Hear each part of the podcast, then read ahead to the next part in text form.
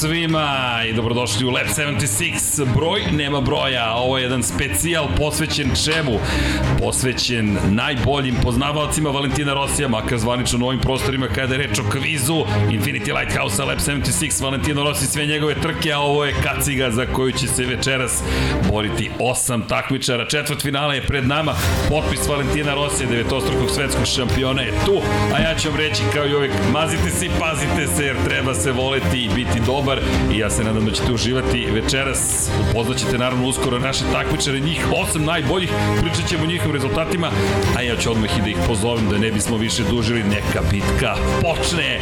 Gospodin Dimitrije Branković, gde je iza se skrije negde, čovek imao 93 poene, to namjerno ili slučajno, ne znam, sada ćemo ga pitati, ali dobrodošao Dimitrije, ti si u plavom timu, slušalice su naravno tu, a protiv njega nosilac broj 8, Stefan Vasić. Pa Stefane, ajme na aplauz, nikad veće gužba ovde ljudi u studiju, znaš kakva frka ovde sa svih strana.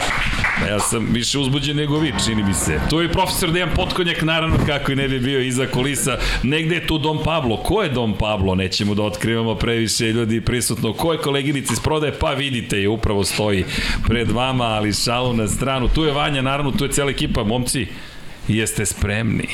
Da. Da, da. Da, da, da, da, čekaj, nećemo tako lako da počnemo. Ajde ja vas da pitam prvo za početak. Ajmo se predstavimo. Dimitrije, čestitam. Hvala. 93 poena. Nije loš. Nije, nije loš. A okej. Okay. I komentar, jedno pitanje vam nije bilo kako treba. Proverit ćemo, hvala, lepo, tako da ćemo to da korigujemo ukoliko se desilo, vidjet ćemo da li je uticalo nekako na ishod. Svi za one koji ne znaju, imali smo kviz online, 100 pitanja, 15 minuta, dva pokušaja i gledat ćete večeras najbolje. Jeste Jeste uz, uzbuđeni. Ko će ovde da pobedi večeras, ljudi? Moj posao je da pravim frku, da znate. Da pravim dramu. Dobro ti je za sad. ok, ajde malo da vas opustimo. Čisto da se zna. 93 poena, 13 minuta 10 sekundi. Toliko je bilo potrebno. Da. To dva pokušaja, jedan pokušaj. Dva pokušaja, dva Dobro. Pokušaj. I kako je izgledao proces? Jesi se vraćao ili... U, pa prvi put kad sam radio kviz bio sam onako u fazonu, ok, treba, treba, treba proveriti još malo. Nisam bio siguran koliko će ostali imati, bio sam ono, tipa možda ako budemo 93, budem 9 i 10. Čekaj samo nešto da uradim, Vanja mi poručuje iz produkcije. Poješću, Opa, to je to. To je to. Poješću se zove kako budem bio 9 i 10 i onda kao, ajde još malo da prožbamo, bilo 93, nije loše. Knjiga je vratila svoje. To, a, kakva reklama. Jer sve njegove trke će vam pomoći da znate da. još više volite. E, ozbiljno, kako ti se dopada knjiga? E, odlična je knjiga, stvarno. Nisam očekivao toliko, toliko informacija o Rosiju, o proslavama, o, o, o, o menadžerima, o... Ne, Matt Oxley se baš potrudio. Baš se Ovo potrudio, je monumentalno delo. Vrhunski posao odradio. Ne, svaka čast. Inače imate pozdrav od Meta Oxleya, koga sticam okolnosti lepih i srećnih pozdrava, pa eto imate puno pozdrava. Vratit ćemo se još, ali čisto malo da napravimo uvod. Da. Gospodin Stefane, kako je prošlo takmičenje? Koliko ja znam, 79 poena, ali bili ste brzi, 9.45. Pa nije loše, ovaj. nisam očekivao da će se pojaviti ovde, ali Eto. Dobro, malo i sreća odigrala ulogu. Jest. Bilo je tu nekoliko takmičara i takmičarka jedna koji su bili uspešniji, ali nisu mogli da se pojave. Ja se izvinjam što tako malo moralo da bude gusto sve, ali gust raspored Kaciga već pet godina čeka svog ponosnog novog vlasnika. Proživjela je sve i svašta, ali ono što smo rekli sigurno jer mi nećemo zadržati mora da ode nekome ko, ko iz naše perspektive ima dovoljno znanja, pa vidjet ćemo. Hajde da vas pitam, koliko dugo pratite Moto Grand Prix? Vi ste svi ovdje dosta mladi, koliko ja vidim. 20 pa možda godina. dele mlađe, ali... Aha, ali se krije nešto. Dobro, neka vitalnost. Tako je. Ovaj, pa pratim recimo od 2005. 6. moje neko, neko prvo, prvo viđenje MotoGP-a. I? Koji je vozač omiljeni? Jel se zna ili... Pa, Rossi. Nema diskusije. A ti? Ja sam Možemo nešto... da ti samo se izvinjam. Na, naravno. Molim vas, hvala. O, ja sam nešto mlađi. Prvo neko sećanje mi je bio Rossi u podijum 2011. I sećam se tvoj komentara, Rossi se povampirio to mi je ostalo onako, odzvanja mi u glavi dan danas, ali prva ozbiljnija se ona kad sam pratio 2014. I? Pa onako bio sam, ma da, pa Rossi, to, to, to je milion boja, da, takva zabava na podijumu, ne, ne, ne, za njega moram to navijam, ono. Da, okej, okay, to, to dakle izbor je bio jednostavan za vas Da, dvojica. jednostavan. Dobro, ljudi, večeras ćemo da se igramo, čim vi ste četvrt finalisti, krećemo, pa ko pobedi ostaje u žrebu, ide u polufinale, ko prođe iz polufinala, očigledno u finale bori se za kacigu, a preostala dvojica polufinalista za treće mesto, svako će dobiti po nešto, međutim glavna nagrada je jedna kaciga, ovo je inače iz 2016 pista Sole Luna, potpisana, tu je i broj 46 koji je sam napisao Valentino Rossi, tako da ja se nadam, neću nikom, ljudi, želim vam uspeh, da, da date sve najbolje od sebe, pa nadam se da ćete uživati i možemo da krenemo Vanja. Prva igra, inače niko ne zna koje su igre, ali nisu mnogo komplikovane, očigledno da ćete odgovarati na pitanje, možda će pitanje biti malo komplikovanije, kompleksne, jer nemate sada izbor više odgovora, nego morate da znate, ali, dakle, prva igra se zove pol pozicija po kiši, to jest na kiši. Zašto pol pozicija na kiši? Pa, pošto si ti bio najuspešniji i gornja polovina žreba, tako smo napravili, imaće blagu prednost samo na početku. Samo na početku. Ti imaš tri puta pravo prvi da odgovaraš. Ukoliko odgovoriš tačno, dobiješ 10 poena. Ukoliko ne odgovoriš tačno, ide minus 5, ali ne možeš ispod nule da odeš, da znaš. Zato je na kiši, jer si prvi, ali ako prvi najđeš na baru, pa malo se plati cena. S druge strane, ti odgovaraš na to pitanje i ukoliko pogodiš, dobiješ 5 poena, ali ukoliko padneš, ništa, nema negativnih okay. poena. To je prednost onog koji startuje drugi. E sad, ti imaš 3 puta pol poziciju, ti imaš 2 puta pol poziciju. Dakle, ukupno imamo 5 pitanja u ovom prvom delu takmičenja i eto, imate 10 sekundi da odgovorite na pitanje, može taj pritisak, da. nije problem. Ok, okay. hoćemo da polako, ovo Vanja je već počeo meni da odbrojava da pročitam pitanje, hvala Vanja, čisto da znate koliko Vanja vrši pritisak, mogli ste upravo da čujete. Ali, pitanja će da variraju, dakle, neka će biti lakša, neka teža, neka su možda i gotovo nemoguće za odgovore, ali ja se nadam da neće baš biti toliko komplikovano. Inače, u svakoj, pošto imamo tri igre, druga igra odmah da vam otkrijem, zove se zapravo reč rivala i to je glas rivala i to ćete izvlačiti iz kacige Jorge Lorenza, ćete izvlačiti pitanja koje poznajete. Ovo su sva pitanja koje ste imali u kvizu, čisto da bude malo lakši taj deo priče, tu ćete imati 10 pitanja, po pet izvlačenja imaš ti, po pet izvlačenja imaš ti, to će vam sreća poslužiti i nema oni drugi ne odgovara na ta pitanja da znate, po 5 poena možete da osvojite, pošto ih već znate, pa malo manje vrede. I na kraju, ovi telefoni nisu slučajno ovde, igraćete se brzine. Dakle, postavimo pitanje, ko prvi dotakne ekran, odgovara, ali opet, ko ne odgovori tačno, minus 5 poena, ko odgovori tačno 10 poena. Ne morate da učestvujete u trci, možete da kažete ja neću da učestvujem u ovoj trci, ali ukoliko želite, morate, kada kažem, postavljam pitanje, morate da odgovorite, malo jeste na isto na sreću, ili hoćete da postavim pitanje, možemo i tako da se igramo, pa onda kažete ja sad ćemo da vidimo gde ćemo. Tako ćemo, mislim da je to bolje. Ok, ljudi, i ovo je nama prvi put da znate da organizujemo kviz, tako da i mi učimo. Pozdrav za Petra, tu je Petar, pozdrav za Vanju, baš se potrudili oko grafika, oko svega. Ljudi, Ti imaš pol poziciju. Može, hoćemo da krenemo. Može. Ajmo to, ajmo malo, ovde je drama. Ja ne znam da li neko prati sada uživo da vas podržava. Ko prati, ljudi, nisam ni rekao. Udrite like, udrite subscribe ili šta god već. Nadam se da ćete se lepo zabaviti, pa da krenemo. Ok, postavljam pitanje. Kada je Rossi, Valentino, i na kojoj trci nosio kacigu s ribicom koju juri Ajkula?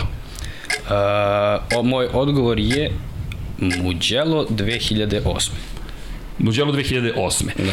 Nažalost, to nije tačan odgovor, ali dobro. Da li imamo odgovor sa druge strane da vidimo da li se zna kada je i u gde vozio Rossi sa kacigom, gde ima malu ribicu, Juri Ajkola i koje godine? Kreće vreme sad. E, Mizano 2015. To je tačan odgovor. Opa, 10 poena, ajmo aplauz, ljudi. Nije 5 poena, izvinjam se, ovo je 5 poena. Tako, Vanja? A, Vanja mi odmah koriguje. Ovo kreće drama, prva pol pozicija nije iskorišćena. Inače, ljudi, uvek nastane drama u studiju, ne znam da li to vama sad običaj. Ja ću pokušati ovoga puta malo da spustim, pošto mislim da nije fair da podižem dramu konstantno, a to mi je običaj da činim. Dakle, idemo na sledeće pitanje. Pol pozicija pripada vama. Ovo će biti možda malo lakše pitanje, mada ste se vi borili što su istorijska neka pitanja, ali ovo ne bi trebalo da bude toliko teško pitanje. Dakle, krećemo. Koje godine je Valentino Rossi pobedio na 8 časova Suzuki? Vreme kreće sad. E, pobedio je 2003. Odgovor, nažalost, nije tačan. ok, drama, ali ok. Da li, da li Stefane, kreće vreme sada, znaš odgovor? Mm, pokušao ću 2002. Blizu si bio, ali nije ni to odgovor.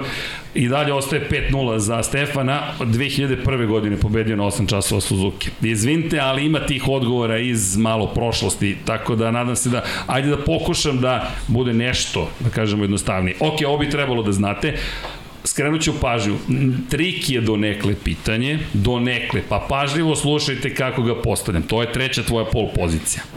koliko je pobeda ostvario na stazi u Muđelu Valentino Rossi. Ukupno pobeda, vreme kreće sad. 10. Odgovor nije tačan. Ajmo da krenemo ponovo. Stefane, da li znaš koliko pobjeda je ukupno ostvario? Mm, nisam siguran, mislim da je devet. Tako je, devet pobjeda, još pet pojena za Stefana koji sad preuzima svoje pol pozicije. O, drama, devet inače, deset pobjeda ima ukupno na nekim drugim stazama, po dve staze na Muđelu baš sticamo okolnosti nije, iako je par navrata baš bio blizu. Ok, idemo na pitanje sledeće. Stefane, pol pozicija je tvoja. Koliko pol pozicija je u jednoj sezoni najviše imao Valentino Rossi, vreme kreće sad. Malo je teže, ali Mm, Recimo sedam. nije tačan odgovor. Ovo je minus 5, je li tako, Vanja? Opa, sad se vraćamo unazad. Imao je sreću da prvi odgovara, pa to ti je malo ta prednost. Ali, a i dobro si odgovorio na par pitanja. Da li znaš odgovor na pitanje koliko pol pozicije najviše u jednoj sezoni imao Valentino Rossi, vreme kreće sad. Da probam 9. Tako je, 9 pol pozicije imao, evo 5 poena izjednačeno, 5-5, opa, prva igra se završava i još jedna pol pozicija za Stefana. Pa da vidimo da li znaš ovaj po, o, ovo pitanje, samo da ne ponovim pitanje, pošto moram da ih obeležim koja sam sve postavio. Dakle, ovo je jedno pitanje koje ima više odgovora pa se nadam da pažljivo pratite, moram da skrenem pažnju. U kojim sezonama je Valentino Rossi izgubio titulu svetskog šampiona, to jest nije postao svetski šampion u poslednjoj trci sezone. Vreme kreće sad. U tri sezone. Da li znaš koje su 2006. 2015. Nisam siguran za treću. dve su bile, ali sve, moja greška, izvinjam se, moram da ponovim pitanje za tebe, pošto su bile dve zapravo, ali pitanje glasilo u kojim godinama je zapravo bilo to pitanje. To je kada se to desilo. Izvinjam se, ja sam napravio grešku, pa ako nije problem, ako se Stefane ti slažeš, drugo pitanje ćeš samo ti dobiti, mada to nije fair, pa ćemo ti dati malo više vremena, pa jer si... pa rekao. Ok, Rekao da je izgubio. izvinjam se još Aha, on posle. To je moja greška. Dakle, ovo je pitanje koje nije baš iz daleke prošlosti, ali koje godine je Valentino Rossi poslednji put pobedio na prvoj trci sezone? Vreme kreće sad. Posle, e, 2010. Mm, Nije tačan odgovor, ali ne gubiš poene. Poslednji put je pobedio na prvoj trci sezone 2015. Katar, čuvena sezona kada se borio za titulu šampiona sveta. Dobro, to je kraj prve igre, ne zamerite, ja sam napravio grešku i meni je prvi put da vodim kviz, moram malo da se nekako pozdrav imate, ja se nadam i od Zeke, morat ćemo da ga pitamo, Zeka, čuveni milioner koji je trenutno u Dubaju, da ga pita Zeko, može neko iskustvo da podeliš sa nama, ali ljudi, ajmo na aplauz. Ova, drama je ovde. 5-0. Dobro, sad idemo na sledeću, da kažemo, deonicu. I to će biti zapravo igra broj 2. Pomerit ću kacigu Valentina Rosija na kratko. I ovde ću pokušati nekako da prebacim kacigu Jorge Lorenza. Nadam se da mi pitanje neće ispasti. Mogu da te zamolim samo da Dekijeva umetnička dela pomeriš. Evo ga autor, ko nije kupio knjige može da kupi knjigu i o Seni i o Schumacheru. Ok, sada idemo na drugu stranu. Prvi, ti izlačiš pitanja iz kacige Jorge Lorenza i reč protivnika je u pitanju. Dakle, ovo je sada na sreću. Pet pitanja za tebe. Šta kaže pitanje? E, koji broj nosi Valentino Rossi? Ja, ne da verujem. Dobro pitanje. ok, koji broj nosi Valentino Rossi? 46. Tačan odgovor. Ne mogu da verujem da to prvo Evo za sve koji, evo da vidite, ovo je, ja ne znam da li se vidi koji broj nosi Valentino Rossi, evo imamo i komisiju sa druge strane. Ja mislim da je nemoguće pitanje izvući, ali ovo su pitanja koje su bila u online kvizu. Ajmo, reč protivnika, šta kaže sa druge strane stola. ne mogu da verujem zaista da je ovo izvučeno kao pitanje. Šta kaže pitanje? Aha, na kojoj stazi Rossi zabeležio prvu pobedu u karijeri u svetskom šampionatu? E, to je bilo, znam to, to je bilo... Koja staza? Ne mora godina. Aha, koja staza? Br Piše. Brno. Brno, to je tačan odgovor. Isto da znaš da ne mučiš se oko godine jer to ni nije pitanje. Dimitrije, čekaj, ti sad imaš 10-5. Ti sad vodiš, dakle, posle ove prve runde, opa, to jest nije prvog pitanja u drugoj rundi. Ajmo, Dimitrije, Još jednom. ti pa idemo nazad, krug, vrtimo krug. Malo, da vidimo ko Lorenzo, ili se sad navijate za Lorenza prvi put u karijeri? Kao biranje na basketu. Malo se igramo, ovo je... Mada ovdje dosta uzbudljivo meni deluje. Ovo je zemljo pitanje. Koja dva objekta iz prirode su e, istaknuti deo Rosijog dizajna kad si sunci mesec? Da, okej, okay, to je na nivou koji broj nosi Valentino. Da, manje više, da. ok, šta kaže Lorenzo? Da vidimo. Stefane, izvoli. Ja mislim da lakše je pitanje od onog nije postojalo, definitivno. E, koliko je ukupno pobjeda Rossi ostvario sa Hondom? Sa Hondom. A to je, to je već malo teže pitanje, ali šta ti kažeš? E, recimo 33. Evo da proverim ja da ne bude Jest. da... I, jeste, ali, ali okej, okay, ali da ne bude da ja govorim. Toliko o tome koliko znaju. Dobro. E, čekaj, za koliko je sad? 15-10? A da ti si tačno odgovorio. Izvolite još jednom. Imate pitanje, ukupno četiri pitanja smo za sada imali. Ukupno 10 imamo u ovom nizu. Ovo je malo lakše, ali za tako i napravljeno. Šta kaže e, pitanje? koliko je pobjeda Rossi imao u prvoj sezoni takmičenja sa Hondom? Koliko je pobjeda imao? Pet. Nije tačan odgovor. Vanja, vreme smo zaboravili, ali toliko brzo odgovaraju da hoćete vi da koliko je pobjeda Rossi imao u prvoj sezoni takmičenja sa Hondom? Dve. Jeste, to je tačan odgovor, dve. To je 20 pojena za Dimitrija. Dakle, ovo je posle koliko? Pet pitanja. Ajmo aplauz, nemojte sad da štedite ruke. Ljudi, treba nam ovde. Mi smo ovde malo druželjivi nego klasični kvizovi. Ovde je drama, ovde je publika, ovde ima mnogo ljudi i tako dalje. O, Vanja je već krenuo da nam odbrojava. Vranja, šta nam odbrojavaš? A koje godine Valentino Rossi u Muđelu nosio crveno srce na svojoj kaci 2007?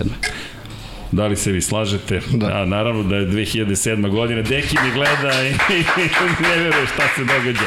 Dobro, to je šest pitanja sada iza nas. Ovo su ta lakša malo pitanja, tako je napravljeno. Mada... Da razbije tremu. Da razbije tremu, mada tremu imamo i vi i ja. Nemojte ništa brinite, a klima radi. Pa pazite, zamislite kada klima nije radila.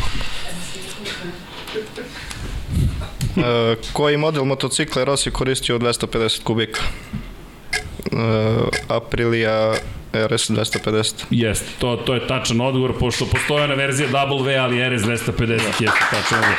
Mislim da, jer si obeležila se RS 250, ono W mi volimo da dodamo, jer onda smo pametniji od drugih, ali činjenica je to tačan odgovor. Ok, imamo, vi imate ponovo pitanje. Sam tu pogrešio? Nisam pogrešio, nadam se da nisam. 3, 6, 7, 8, to je osmo pitanje. Dobro. Ajmo da vidimo. Uh, za koje sve fabrike vozio Valentino Rossi? Uh, Ducati, Honda, Yamaha i Aprilia. To je to, to, ljudi, to je to. Dobro.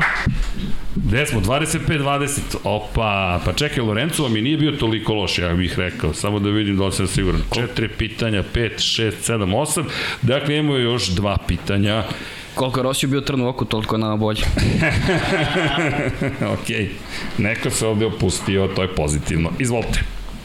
Ajmo da vidimo. Vi imate dva pitanja, pošto jednom sam preskočio. Ko je Rosiju bio klubski kolega 1999?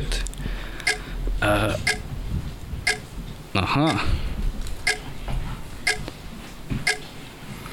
Nas, kap, nas, nas. Na, dobro, evo ja ću odgovoriti na to pitanje. Bio je Tecuja Harada. Harada. Harada zato što je Loris Capirosi dobio tako je dobio otkaz i multimilijonsko obeštećenje zato što miliona. su ga, tako je nepravedno otpustili i prekršili zapravo zakon o radu, to jest njegov ugovor.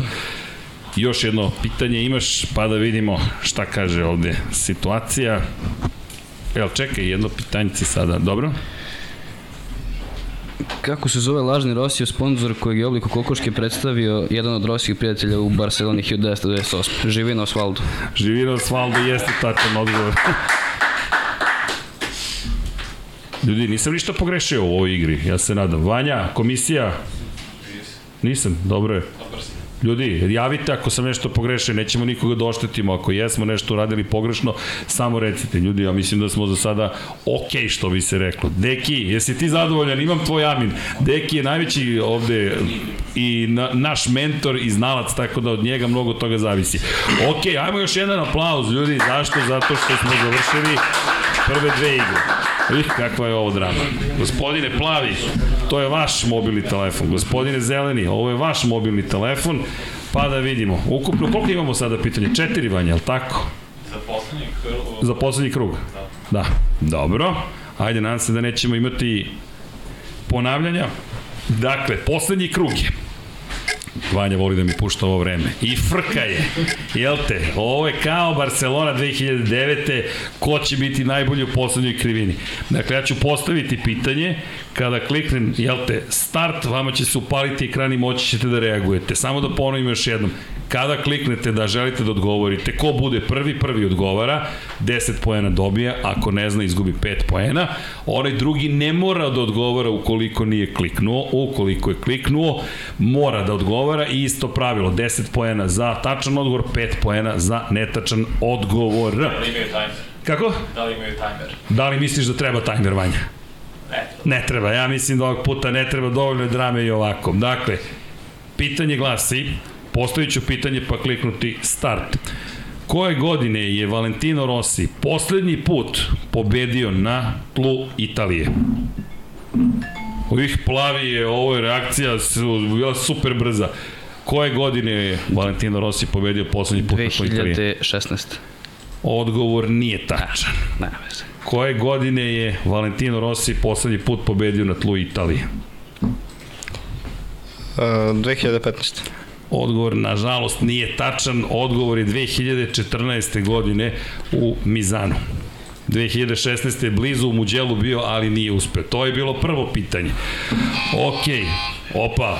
Dobro, zanimljiv zvuk. ok, ovaj zvuk bio baš jeziv, ali dobro.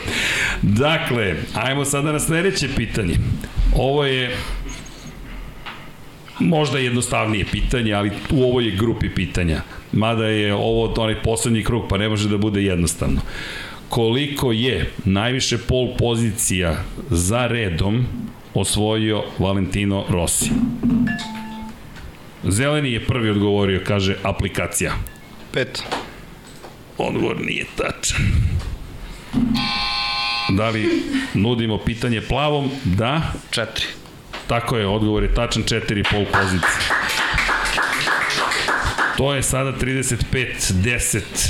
Bojim se da je ovo sada baš dramatično. Ajmo sada da vidimo još dva pitanja imamo. Ovo je pitanje koje je opet iz malo iz istorije, ali ne bi trebalo da bude toliko teško. Dakle, pitanje glasi, ko, koji motocikl je Valentino Rossi koristio 1993. i 1994. Plavi, Ka Đivu Mitu. To je tačan odgovor, kad živa mito. A izvini, to je pogrešan zvuk. pogrešan je zvuk, ali ti nisi ni postavio koliko ili mi... E, zato što sam ovde odgovorio, kaže ne. To je 45 poena naspram 10 i imamo još jedno pitanje, a to na glasi koje sezone je najviše poena u jednoj godini ostvario Valentino Rossi u Moto Grand Prix klasi? Plavi je grešio. 2003. To nije tačan odgovor, ali dobro, to je minus 5, to je 40, mada mislim da je i dalje situacija pozitivna za Dimitrija. Šta ti kažeš, Stefane? Pa ja mislim da je sa Yamahom 2004. Da, dobar pokušaj 2008. godine je bila ta kada je bio najuspešniji, ali ljudi, Uh, 40 naspram 5 Dimitrije, bio si najbolji ovoga puta pobeđuješ. Stefane, dobro si krenuo, ali na kraju nekako je izmakla situacija, si kontroli, ja ste vi zadovoljni ljudi kako smo organizovali ovo, nama je to takođe Da, bitno, učimo, molim te da ostaneš sa nama, zato što nam je čast što si tu, prvo hvala ti što si učestvovao, hvala ti što si ovde, kao i svi, nešto smo spremili za svakog ko je došao, ko je učestvovao i mislim da treba da ispoštujemo svakog od vas, pogotovo za vaše vreme, posvećenost i nama je zaista zadovoljstvo kao ekipi Lab 76 Infinity Lighthouse da ste obojica ovde. Ćemo kratak predah, za, za mene nema predaha, ali za vas dvojicu. Stefane, čestitam na, na učešću. Hvala na pozivu. Ne, ne, hvala tebi zaista na učešću. Dimitrije, čestitam ti ideš u polufinale, a mi idemo dalje, pa da vidimo koji sad par je na redu, mada da damo malo priliku da... Jeste spremni? Ovde neki skaču kao mladen, ja mislim da je spreman više nego Iko, poskočio je. Stefane, hvala ti još jednom najlepše. Aleksa, jesi spreman? Menjamo mesta, plava ekipa, Mladen Stanković. Kako vama izgleda sa strane? Izgleda super. Izgleda super, opa, ovde, ovde je raspoloženje na jednom visokom nivou. I, ajde da vidimo kad sedete u vruću stolicu, što kažu, mada ja mislim da si ti baš spreman za ovaj kviz. A i Aleksa je nastavlja, da, da, da. Aleksa strpljivo sa strane čeka. Ljudi, ali neko mi je, moram priznati koliko god mi je sve drago i nekako lepo i milo, s druge strane mi je nekako čudno, jer prvi put ovde imamo situaciju da ne odlaze svi najsrećniji i, i to, mi, to, to mi nekako ne prija, moram priznati priznati. Neko mora da pretrpi poraz, to mi se uopšte ne dopada u studiju na kraju univerzuma, ali ljudi, šta da radimo? To je deo zabave, to je deo kviza. Ali, ćemo da krenemo polako. Prvo da vas predstavim, Mladen Stanković, je tako? Tako je, tako je. Čekaj, 93 pojena i ti. Šta da se radi? Malo sporije od...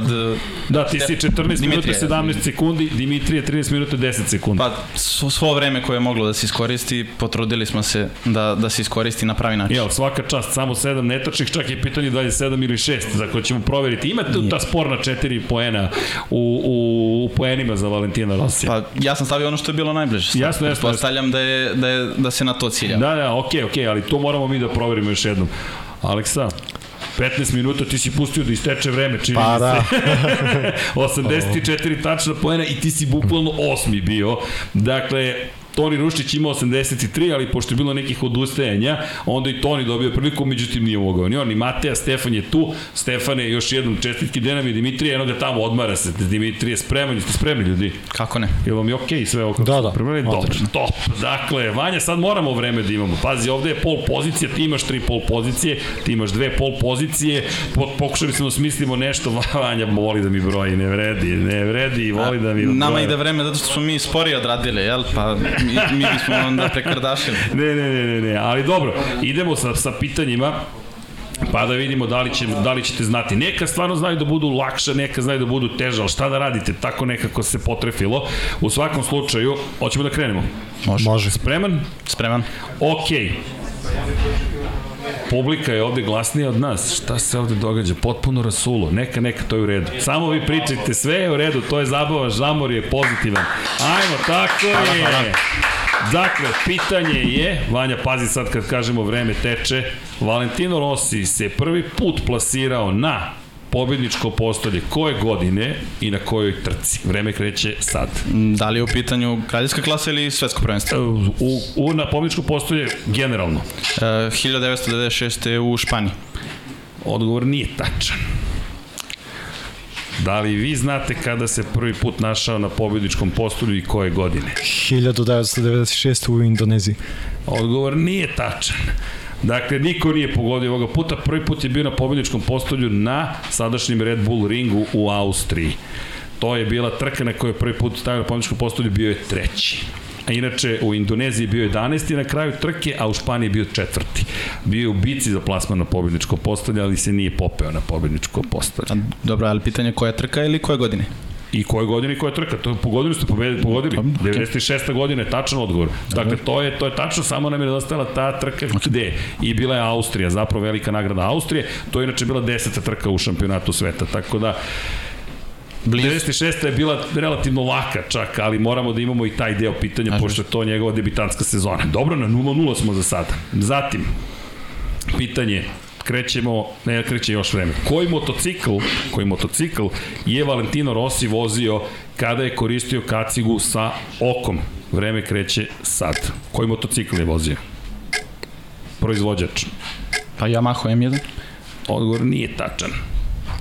Ducati. Tako je, vozio je Ducati, to je prvi, prvi pleni u u ovom drugom delu, u drugom četvrt finalu idu Aleksi. Jeste, Ducati je vozio, to je čuvena situacija kada je pričao o tome da ga svi zapravo, cijela planeta ga suštinski da. gleda i zato je nosio veliko oko, opet je bila priča o Italiji i njegovoj voljinoj, tako da nije, nije bila Yamaha. Ok, idemo dalje. Zatim, treća pol pozicija. Sreća, valjda. Valjda, vidjet ćemo, ajmo da vidimo. Na kojoj trci i koje godine je Valentino Rossi zabeležio poslednju pobedu u karijeri u Moto Grand Prix-u? Uh, Asen 2017. To je tačan odgovor. 2017. je Holandija. Ovo cenim da nije teško nikome od vas. Ovo, ali dobro. Zicar. To su sada tvoje pol pozicije. Vidi, uvijek ima malo ovako, malo onako. Ali dobro, idemo dalje. Dakle, krećemo. Zaštitna slika. Sad ovo je možda malo teže, ali imamo malo teže, jedno lakše. Zaštitna slika kog muzičkog albuma se nalazi na kacigi Valentina Rosija na naslovnoj stranici knjige Valentino Rossi sve njegove trke. Ne slika albuma, zaštitna slika kog muzičkog albuma. Da li znaš odgovor? Ne. čak i piše na njoj, ali dobro, ne znaju svi taj deo, to je za nas starije zapravo poznat album, kao što je Rossi stari. Da li imaš odgovor? Ne, ne. Mlade ne zna takođe odgovor. Ok, to vam je zapravo Wish You Were Here, čuveni album, čak i piše na naslovnoj strani Wish You Were Here na jednom delu, to je inače čuvena po priči da je zapravo na vinilu stajao zapravo Wish You Were Here. Samo ako smem da primetim Vanja, mislim da su obojice dobili negativne poene ili grešim. Drugi? A drugi ne, ne dobija. Da, ti nisi imao pol poziciju. Dobro, Vanja me prati bolje nego ja samog sebe. Dobro, idemo dalje.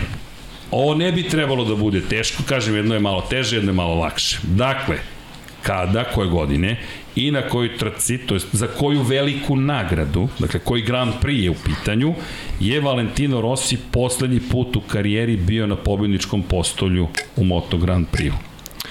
A, Jerez 2020. I jeste, ali imamo... Velika nagrada Andaluzija. Tako je, velika nagrada Andaluzije. Zato sam rekao, velika nagrada je tu. Da, pošto su bile dve trke Tako je, da. malo je trik pitanja. Ok, 10-10 posle prve, tr, tr, posle prve trke, ajde tako kažemo u drugom četvrt finalu. Dobro, Mladen Aleksa, ovo će biti drama ovde. Smijem sad da pravim frku. Nije loše. Uvek, uvek, nikakav problem. ok, ajmo sada da vidimo Kaciga Jorge Lorenza šta će vam doneti. Malo pre je pomogla ha, Kaciga, neki su dobili, ja mislim, najnejednostavnije pitanje ikad u istoriji pitanja, koji pomislio sam, veruj mi, pomislio sam Stefan, ko će izvući, da li će neko izvući koji je broj Valentino Rossi nosio? I to je prvo pitanje bilo. Imamo komarca, opa. Dakle, gospodine, mladene, izvolite, prva kaciga je vaša. Pa da imamo šta kaže kaciga Jorge Lorenza. Od, moram ja samo e, sebe da proveravam. Sa kojim vozačem je Valentino Rossi delio podijum najviše puta? Ne znam sa kojim vozačem Pa je. slučajno ova kacika koja stoji Jorge Lorenzo To je i mislim da je 53 To puta je opitan. tačan odgovor, čak nije ne znam napamet, verujem koliko puta, ali jeste. Sa Jorge Lorencom je delio najviše puta. Da li želite sada vi da izvučete? Moram da vrtim 1, 2, 1, 2, jer ću suprotno da se pogubim. Prošli put mislim da se pogubio u jednom trenutku. Hvala, Stefan. Dakle, šta kaže Jorge Lorenzo? Tokom proslave pobjede na kojoj trci je Valentino Rossi nosio dres Maradone. A, velika nagrada Argentine je 2015. između ostalog tačan odgovor, ali da, to je, ovo je jedno od onih pitanja koje morate da odgovorite ukoliko ste ljubitelji Valentina Rosija.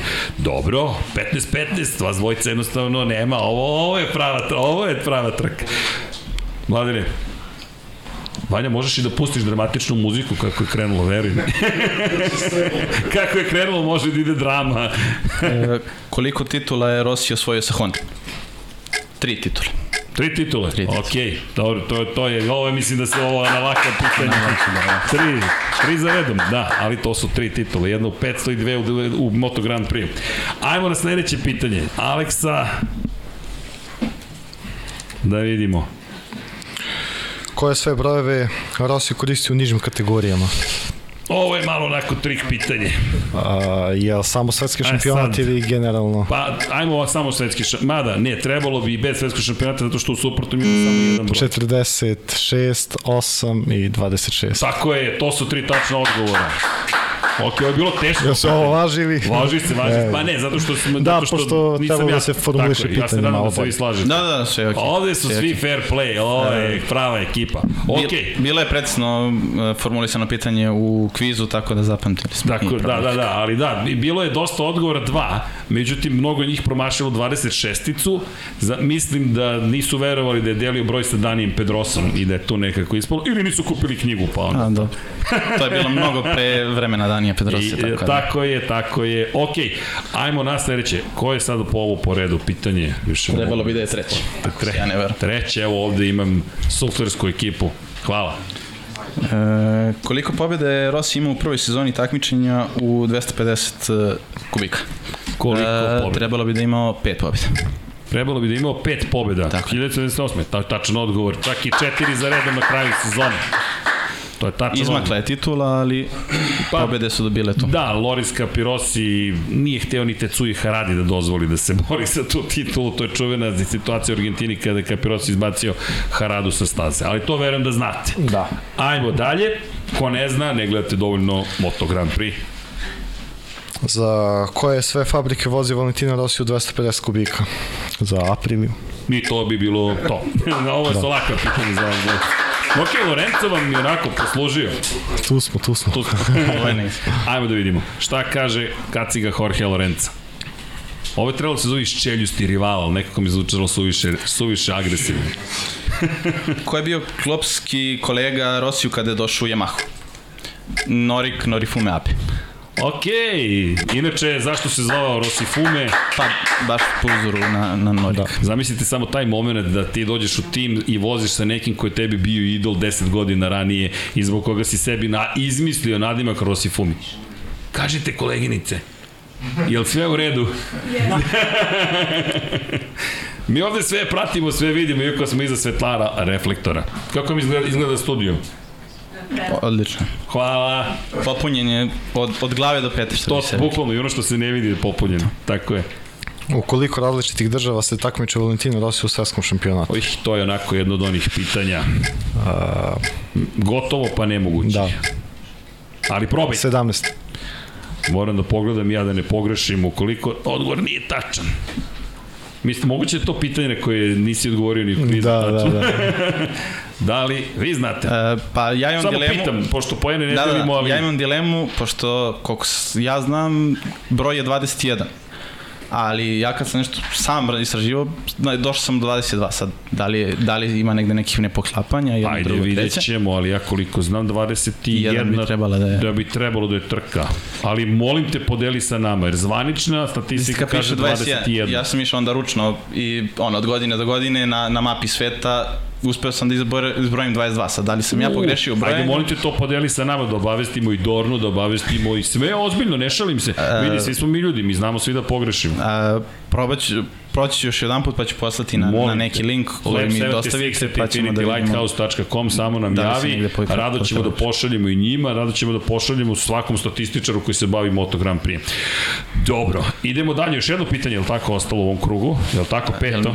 Da, Sad, da, sad, sad, ti, ja, sad si ti izvlačio. da, sad sam ja izvlačio. Da, ja sam odgovorio na pitanje, ali, Ali ne nije bilo dobiješ sad pitanje. poene, tako je. 30-25 i dalje ste vi tu izjednačeni dosta. E, koliko pobjede e, imao Rossi u šampionskoj sezoni u 125 kubika, imao je 11 pobjeda u 15 trka i to je nešto što i dalje stoji. Dobro, to je, evo što vam je znanje. ok, mislim da si ovo i ti znao, ovo su ta pitanja, ali to je sad, Jorge Lorenzo je kriv, Da, ili da. odgovoran, kako god želiš. Malo sreće kao 2015. Tvoje pitanje. Još jedno, 35-25 je, ali sad nema posustajanja pred, pred, pred, pred poslednji krug. Poslednji krug u studiju na kraju univerzuma. Koliko je pojeno svoj Valentino Rossi u karijeri vozača svetskog šampionata? Koliko poena je osvojio? To je sad ono čuveno pitanje. Tako je, ono što smo pričali. 6385. E, da, nije, ovo je nemoguće pitanje, ali izvini, to je prosto Lorenzo je tako Da. progovorio. Nije čak ni onaj odgovor koji je zvaničan, ni onaj koji je nezvaničan odgovor, ali dobro. 6361 je zapravo zvanični odgovor.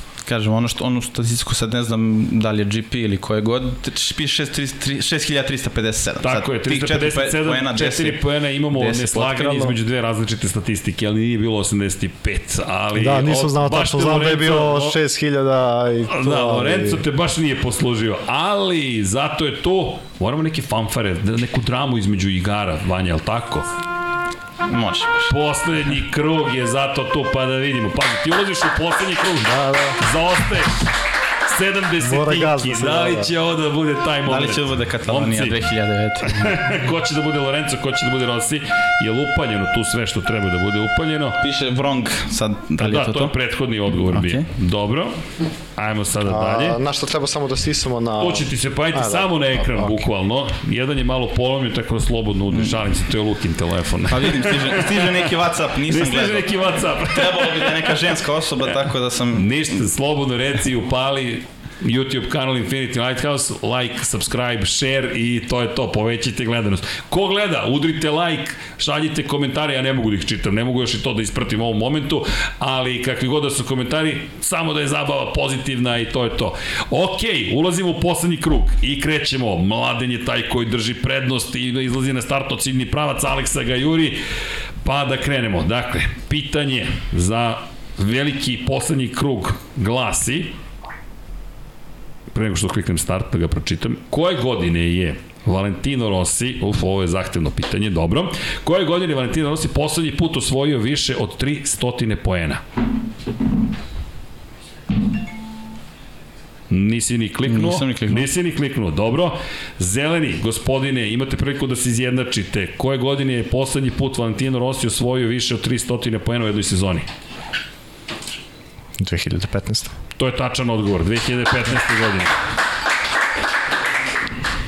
Opa, sad, ovo je sad već u treću krivinu ulazite izjednačeni. I još tri Hvatamo krivine do kraja. To, to. ovo je, ostaje stvarno za ovo je sada zanimljivo. Dakle, ovo je, ovo je jedno pitanje čuvam za baš sam kraj, bukvalno. Ovo nije toliko teško pitanje za vas dvojicu, ja mislim. Koliko podijuma je imao Valentino Rossi u eri kada je vozio za, samo da kliknem, Ducati? Zeleni je bio brži. Koliko pobjedničkih postolja je imao Valentino Rossi u eri kada je vozio za Ducati? Dva.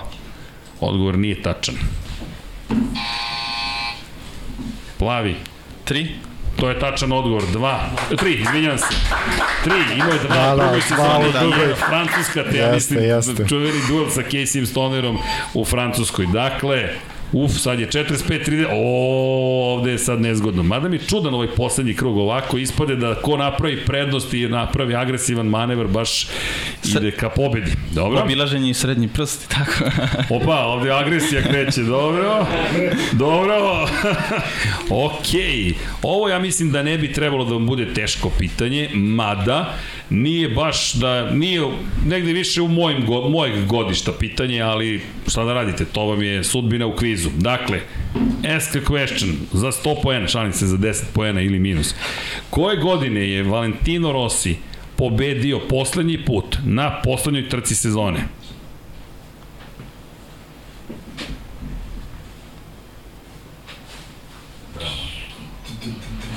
Ne, samo polako, nemamo ograničenje, samo razmislite, u jednom trenutku ćemo početi da brojemo. Svi su se učutali u studiju. Svi, mislim da je ovo top pitanje ispalo. A, nije, ne se vi sećate. Niko neće da odgovori. Dobro, ja mislim da će isteći vreme predviđeno za ovo. Ja, evo, da ponovim, koje godine je Valentino Rossi poslednji put pobedio na poslednjoj trci sezone? Uf, to je ta bitka. Rizičan manevar. Rizičan, na dosta, sve ili dosta ništa, ovo je na rizičan. sve Da, ili ništa. da, da. Ok, mislim da si vrteo po glavi kada Da. je ko vode. Šta kaže šti? Aleksa? Valencija 2003. Nije tačan odgovor. Nije tačan odgovor. Gospodin nije ni pokušao Nisam se odgovori. javio taktički. Smem da ja kažem sada, jeste Valencija 2004. godine sa Yamahom. Tako blizu, a tako daleko. Valencija, to je poslednji put da je pobedio na poslednjoj trci sezone. To je čuvena završnica kada je zabeležio tri pobjede na kraju Malezije, Australije i Valenciji. Ponovio ono što je uradio sa Hondom.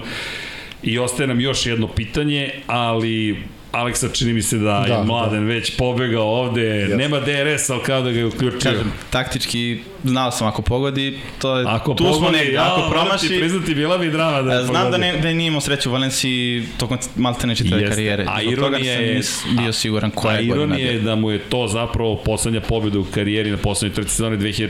u prvoj sezoni takmičenja sa Yamahom. 2005. je bio treći, 2006. 13. kao što verujem da znate. Ok ljudi, hoćete da postavljamo poslednje pitanje ili može. hoćemo malo da se igramo? Evo jednog pitanja, evo nasumično. Ili možemo kni...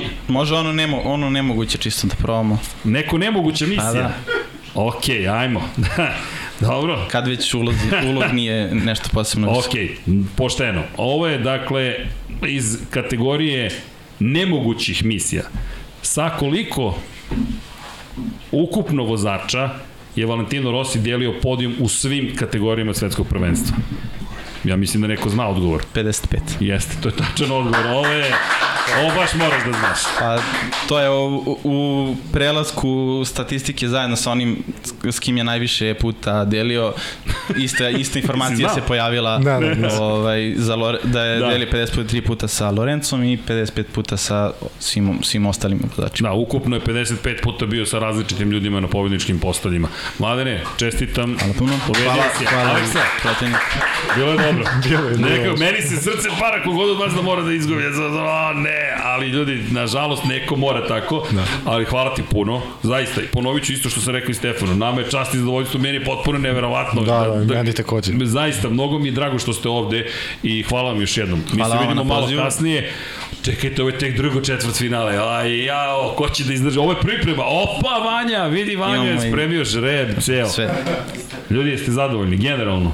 Jesmo. Odlično, Aleksa, odlično, odlično tebi iskustvo, da. Super, e, ostanite ako imate vremena, združite se malo s nama, imate, ja se nadam, posluženje, nadam se da klima kod vas radi, kod nas malo i ne stiže više. Ja mislim da nije, ne, Vanja, nemoj, nemoj, ne, bez brigi. Mislim da nije predviđena za koliko? Dvoje, četvoro, šestoro, osmoro, deset, 12, 14, 17 ljudi je trenutno u prostoriji. Okej. Okay. Jel smo oborili rekord? Jesmo.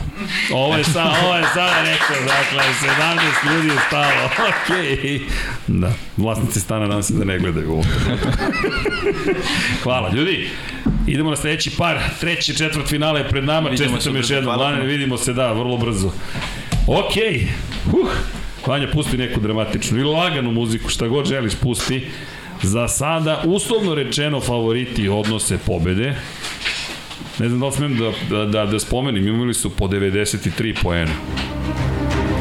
Ko nosi broj 93? Ali, pravit ćemo, dragi ljubitelji i obožavaci ostalih vozača i Marka Markeza i ostalih još ovakvih stvari. Sad, da li ćemo imati kacige koje su potpisane, vidjet ćemo, ali nemojte brinete, pratite naravno Infinity Lighthouse, a vreme je da pozovemo koga? Stefana Serdara, nosioca broj 3, je li tako, je li to? Prisutan? Je li prisutan? Nije? Je li imamo? Otišao čovjek. Ot- Otišao je. O, Stefan je otišao. Ja dramu ovde pravim, čovjek nije tu. Organizacija. Pa nije sada pauza. Kako ja sad sedim ovde za stolom. Da pozovem ja Darka Trajkovića, makar da nam se pridruži. Ajmo, Darko. Prvi je stigao ovde. Strpljivo čeka. Darko mi djeluje kao Dark Horse, kao neko koji iz prikrika vreba svoju šansu i makar da predstavimo jednog učesnika, negde tu ja se nadam Stefan, sve, a sve gledam gde je Stefan, pokušam da ga vidim, ali dobro. Ko je došao sa lepšom polovinom? Kako? Ne, ne, ne, ne, ne, ne, ne, šalim se, ne, opusti se. to je sve loša šala, vidi, ja sam star čovjek. Loša šala, hoćeš? Umesto... Mogu ja direktno dalje. Direktno dalje, Nema, nema, nema protiv. ja mislim da, da imamo opravdanje ako se slažeš za ovo odsustvo. Imamo, na. Imamo, okej. Okay. Stefane, da gde nestade? Darko Sportski. Dobro, sve okej? Okay? Da, da. Da, top. Spreman je Stefan, sad, ok, ti si u duhu Rendija Mamuli, Kimira i Konera se pripremio za nastup u kvizu. Za one koji ne znaju šalu, potražite reference o kojima govorim nisi ispratio šta se događa sa Peleom. U svakom slučaju, Stefan Serdar, Darko Trajković, momci, i vama čestitke, kada se pogledaju rezultati, niste bili najbolji, ali 91 poen, 12 minuta i 1 sekund, bravo, to je dosta brzo, brže i od Mladene Dimitrija, ali 2 poena manje. Čestitam, Darko, 87 poena, 8 minuta 41 sekunda. Ja se izvinjam, Hvala. Stefan, ja moram da pitam Darka kako? Pa mislio sam da mi 15 minuta neće biti dovoljno. I onda nisam ni čitao cela pitanja neka. Mogao si dva kviza da odigraš, vidi ovom brzinom. Gledamo rezultate proražu 8.41, rekao ljudi, ok, ajde da vidimo i vidiš da čovjek stvarno, čovjek je, IP adresa nije fake, ima e-mail, ima telefon, javlja se na telefon, sve je u redu, 8.41 i kaže, žurio sam, pa svaka čast. Hvala. Ja sam računao da treba 7-8 sekundi otprilike da bi se upalo tih 15 minuta i onda u početku sam ja žurio malo. ali ima vremena u suštini. Da, da, ima. Kad se malo opustiš i kažeš čekaj polako, strpljivo, idemo polako u celu ovu priču, ti pomagala devojka? Malo. A, vidi se osmeh na licu. Možda je stidljiva, ali znanje postoji. Neka, sad nema pomaganja. Nema sufliranja, mahanja, nema kviska, Samo ništa. navijanje. Kako? Samo navijenje. Samo navijenje. Tako je navijenje. Ajmo da vas čujemo navijači. To vam kažem, drama. Dobro, ljudi, čuli ste, imamo tri igre, generalno su, ja mislim, jednostavne, nije baš da je nešto preterano komplikovano, pol pozicije ti imaš tri, ti imaš dve, zatim gospodin Lorenzo će vam odrediti sudbinu i posle toga idemo na taj završni krug, mada moram priznati da smo čudno koncipirali zadnji krug, jer onaj ko tamo doda gas baš ima praz, ima čist put napred. Ali dobro, to je ta igra, pokazuje, mislim, mladim dobru taktiku, to je budi strpljiv sa kliktanjem na pitanja. Do, hoćemo da krenemo. Dakle, pol poziciju, imaš tri pol pozicije, pitanja smo se trudili da se razlikuju u odnosu na kviz. Neka se ponavljaju ljudi, treba smisliti 300 pitanja za, za i koliko god je Rossi imao dugu karijeru, opet treba tu malo biti maštovit. I neka su teža, neka su baš laka, ali ja se nadam da će generalno sve ovo biti koliko toliko jednostavno. Dakle, krećemo sa prvim pitanjem tiče se kaciga, kao što primećujete imamo light motiv da postavljamo pitanje o tome koje kacig je koristio, pa ovde ne moram ništa da klikćem, 10 sekundi imaš Stefane, spremi se. Kada je Rossi, Valentino očigledno, i na kojoj trci, to jest koje godine, ajde da budem precizan, i na kojoj, ajmo da kažemo, stazi, da bi bilo jednostavnije, to jest da ne moramo da insistiramo velikim nagradama, nosio kacigu sa likovima braće Blues. Vreme kreće sad. Ne znam to. Ne znaš, okej. Okay. Hoćeš da pokušaš? Ne. Dobro. Ovde nema kaznenih poena ako ne po, generalno imaš nula poena, tako Mnogo da znaš. ima trka da bi okay. pogodio. Ima 432. Da. Kada je Rossi nosio braću Blues na kacigi? Mizano 2016. To je tačan odgovor. Mizano 2016. Bravo. Okej. Okay. Idemo na sledeće pitanje. Dakle, prvo pitanje ću samo da obeležim da ga ne ponovim kasnije. Zatim, idemo... Ko to šapuće u daljini? Ovo je malkice teže pitanje, ali nije preterano teško. Samo pazi na formulaciju. Dakle, koja je bila prva trka u karijeri, u karijeri Valentina Rosija, koju nije započeo, a bio je prijavljen za učešće u toj trci i pojavio se na stazi, vreme kreće sad. Mugello 2010. Tako je, to je tačan odgovor. Ova, samo da znaš, gledam tvoju deviku kao, A bolje pokušava da ti kaže, ja razmišljam, dobro, ne vidiš ga direktno zato što je televizor tu, ali to je tačan odgovor. Da, to je prvi put, neverovatno ali istini. To 1996. godine počeo da vozi, tek 2010. se desilo da ne nastupi u jednoj trci svetskog šampionata. Potpuno neverovatna karijera i zaista impresivan rezultat i ok, verujem, pretpostavljam da znate obojca, ali opet meni i dalje fascinantno da se tako nešto dešava. Ovo pitanje je upalo, ne znam da li je previše lako, ali ko zna možda, mada ovo mi djeluje kao previše lako, ali tu je, pa ajde, da, da ispoštujemo ne brini, izbalansirana su pitanja. Treba, ne bi trebalo da bude preterano teško, ni pitanje za tebe, ono lakše. Dakle, za koji italijanski futbolski klub strastveno navija Valentino Rossi? Vreme kreće sad. Inter iz Milana. To je tačan odgovor. Ovo je baš bilo lako, ali upalo je tu pitanje. Dobro. Imamo, imamo jedno lako pitanje, ne brini, za tebe u, u, u, u, drug, u drugom momentu, da. Zatim, idemo na ova pitanje, samo da im da ne promašim koje sam koje treba da, ko, koju treba da, da, da, da, da postavim. Dakle, ovo je, deluje da je malo teže, ali tu negde srednje klase, ja bih rekao. Dakle, koje godine je Valentino Rossi završio sve trke među osvajačima poena i nije osvojio šampionsku titulu? Krenem kreće sada.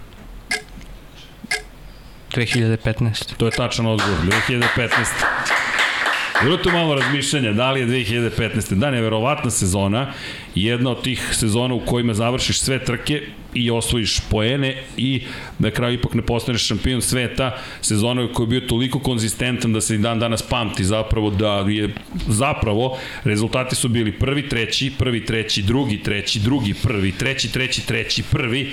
Prva trka na kojoj nije bio na pobedničkom postolju te sezone bila je velika nagrada Mizana zapravo, to je tu Mizano velika nagrada San Marino i Riminija, potom treći, drugi, četvrti, treći, četvrti, sve trke završio, osvojio poene, najgori plasman peta pozicije, gotovo ne neverovatno sa 325 pojena da nije bio šampion, ali govori nešto i o njemu, govori nešto i o Jorgeu Lorenzu, ne ulazimo u ostale teme ako otvorimo, a imate 2-0-1-5 rezultat. A, dakle, kada pričamo o ovoj sezoni, Dvanja, je li ovo neko, šta se ovde događa?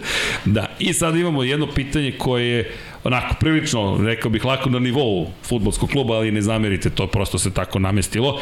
Dakle, koji je Valentinov poznati ritual pre svakog izlaska na stazu vreme kreće sada? Sad.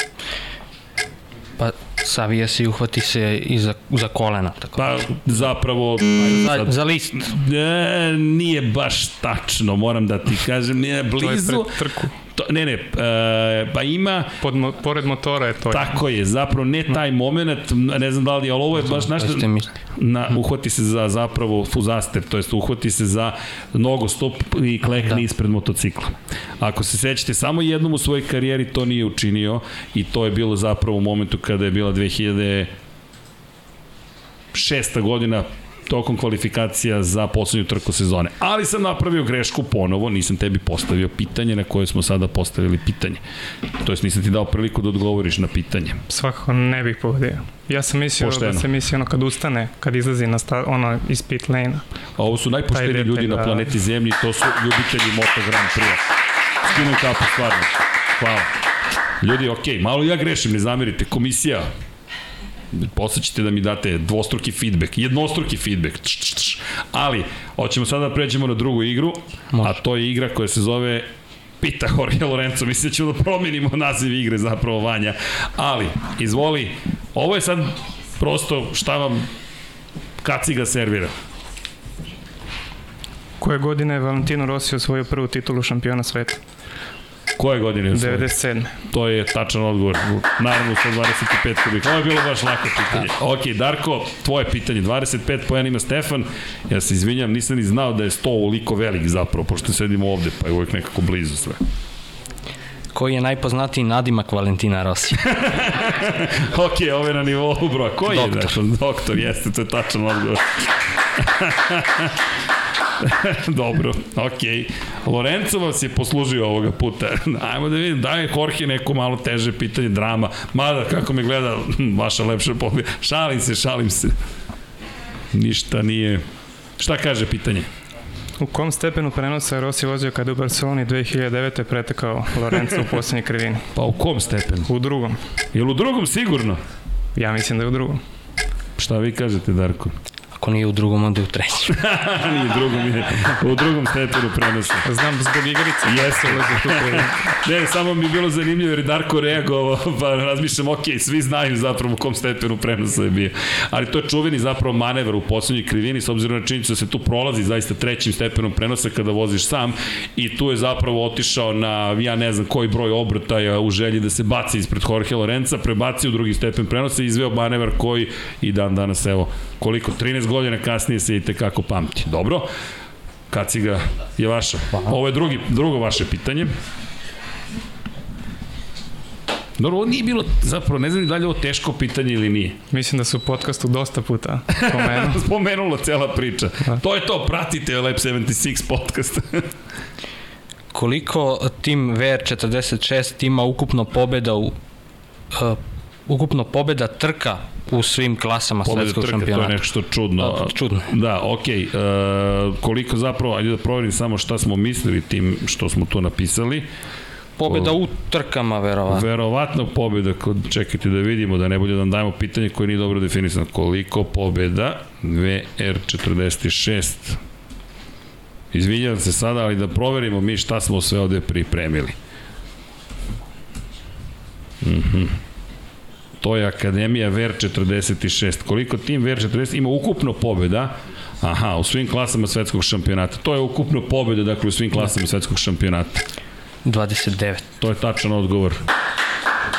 Da smo malo pre, to je neko diskutovao malo pre koliko zapravo pobjeda. Ima 28 piše, ali postoji ta pobjeda kao što su e, prvi i drugi nosilac istakli iz maja ove godine Čelestina Vijetija koja je 29. Dobro, 30-20. Stefane, Kaci ga ponovo pita. Ovo ko Jumanji da igramo, imam taj osjećaj. Samo odjednom da se pojave ovde sada, da nosorozi bukvalno da protrče i kaže ok, dobrodošli u neki novi svet. Koliko pobjeda u svetskom šampionatu tokom karijere ostvario Valentino Rossi? Da. 115. ok. Da, mislim da smo, da smo, da smo u onoj fazi najlakših mogućih pitanja. Treće pitanje je vaše. Dobro.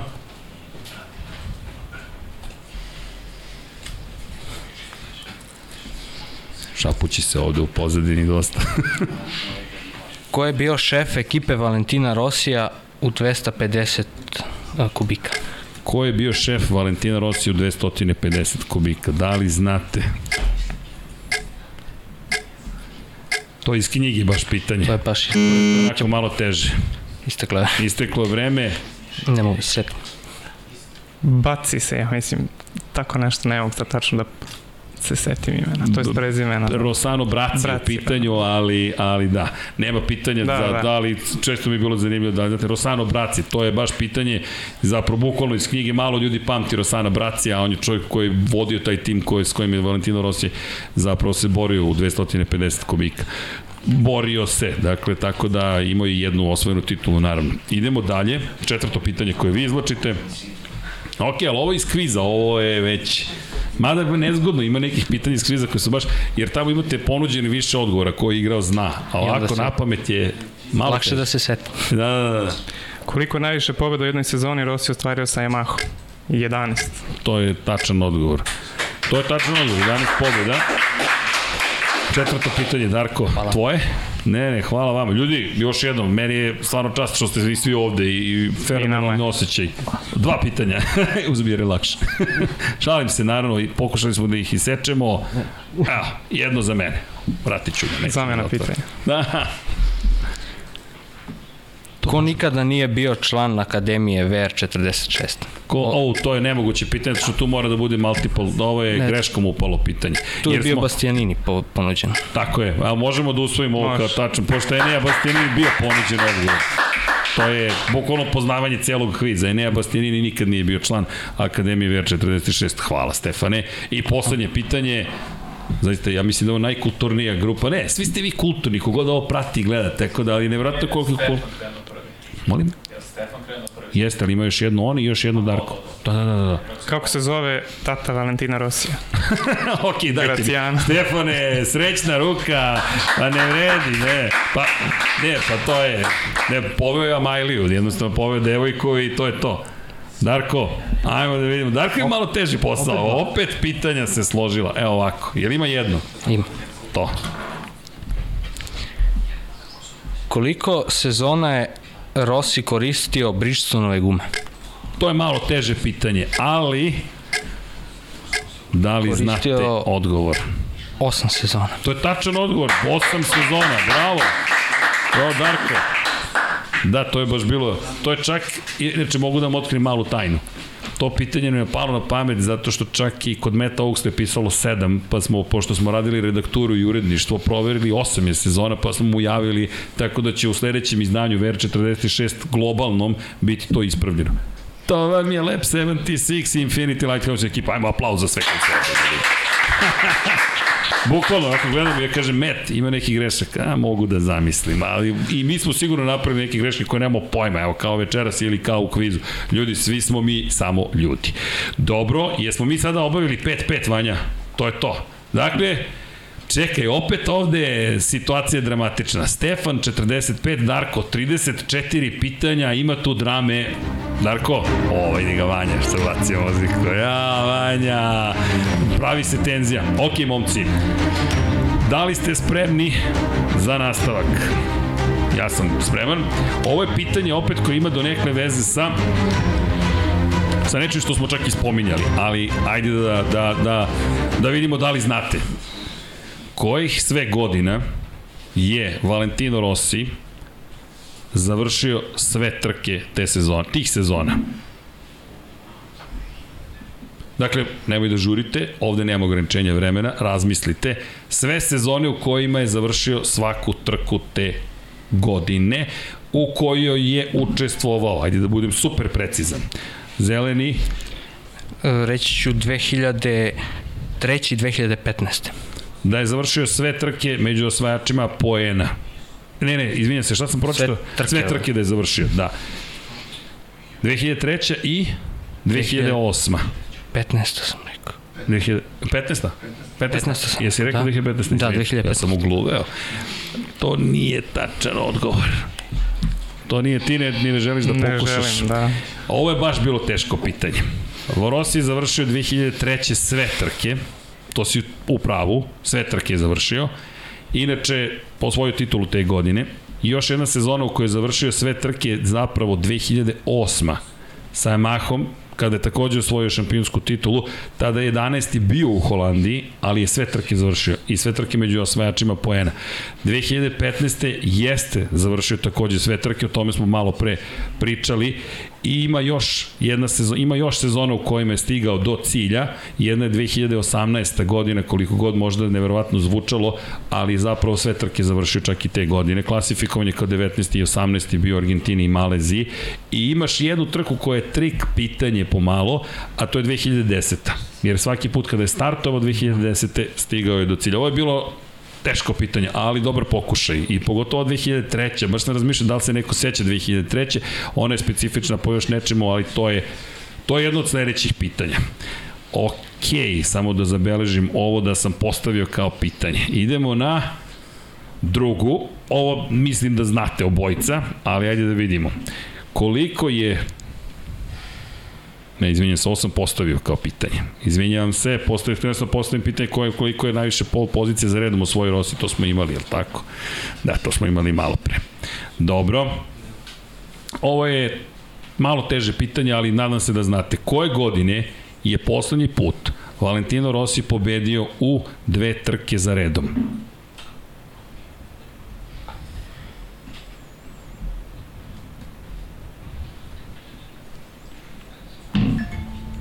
Zeleni, to je Darko, 2014. ću reći.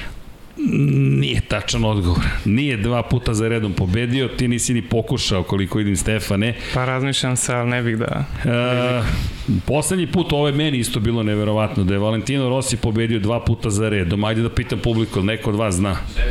Kako?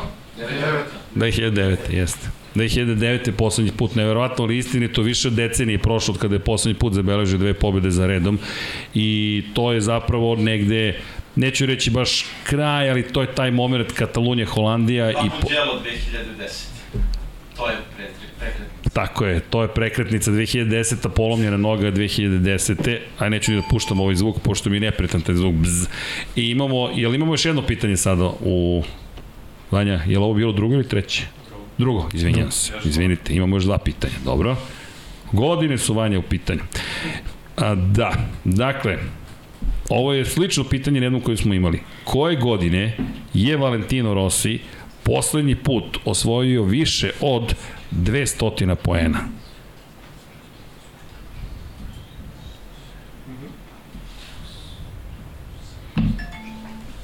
Udri, Darko, 2018. bio si blizu, ali nije.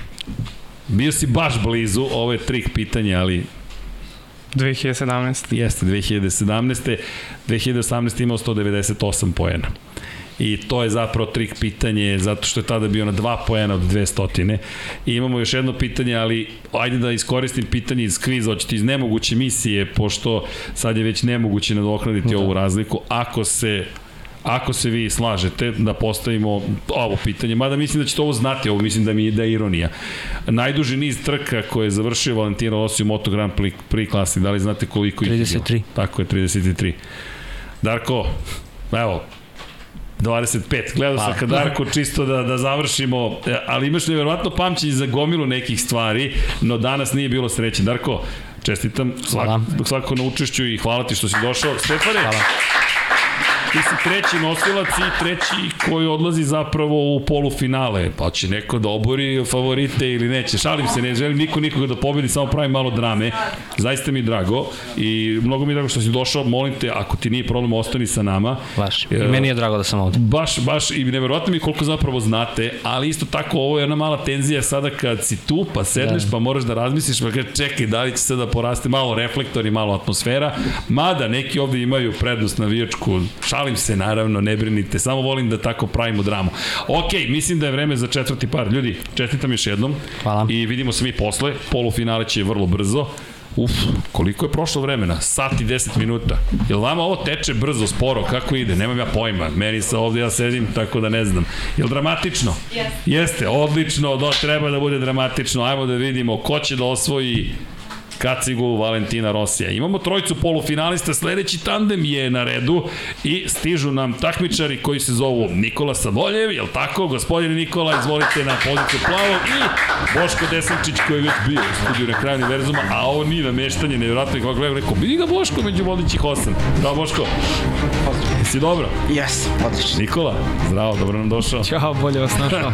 Jel to Lewis Hamilton sad? Ne, daleko od o, za koga se navio u Formuli 1? Pa sad trenutno za Verstappen. Za Verstappena, dobro. Boško?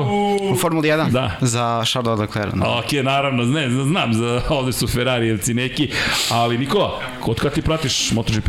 Pa zapravo do 2000. godine Od 2000. sam se prvi put susreo sa nekim trkama, a posle toga od kada je krenuo prenos na sport klubu. Imao sam problem pošto nije bilo Nije bilo prenosa. pa nije bilo prenosa duže, pratim trke posle nakon Eurosporta, tako da ovaj eto poslednjih deseta godina intenzivno. Slušamo se.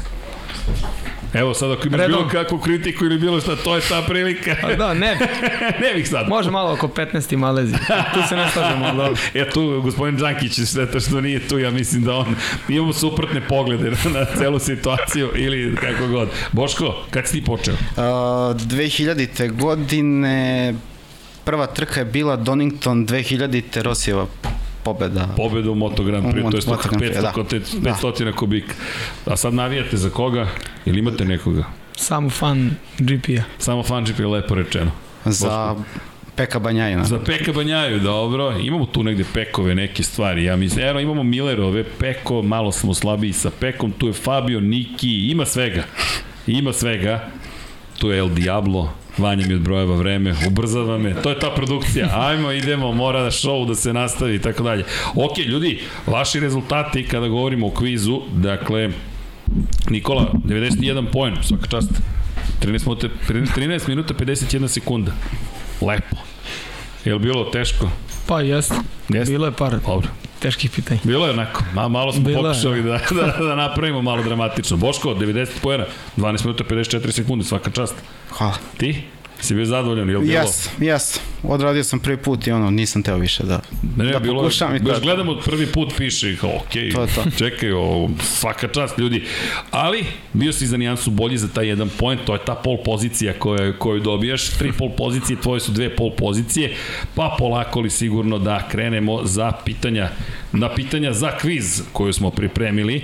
Neka su teža, neka su malo lakša, čisto da malo izmiksamo sve, pa da krenemo polako, čekaj zelenom da odobrim da je imao na kraju tačan odgovor, mada nije bitno samo da izbjegnemo loš zvuk. U svakom slučaju, krećem sa pitanjem kako se zove prvi tim u šampionatu sveta uopšte za koji je, neko je proizvođač, već kako se zove prvi tim za koji je vozio Valentino Rossi. Ovo je malo teže pitanje, vreme kreće sad, Nikola.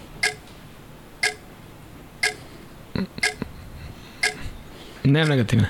Nemaš ne, na nuli si, nema, nema negativno. Pa nemam Nastro Azuro, ali Blizu, ali nije to bio naziv ekipe baš. Boško, znaš ti možda? Ovo je onako teže pitanje malo.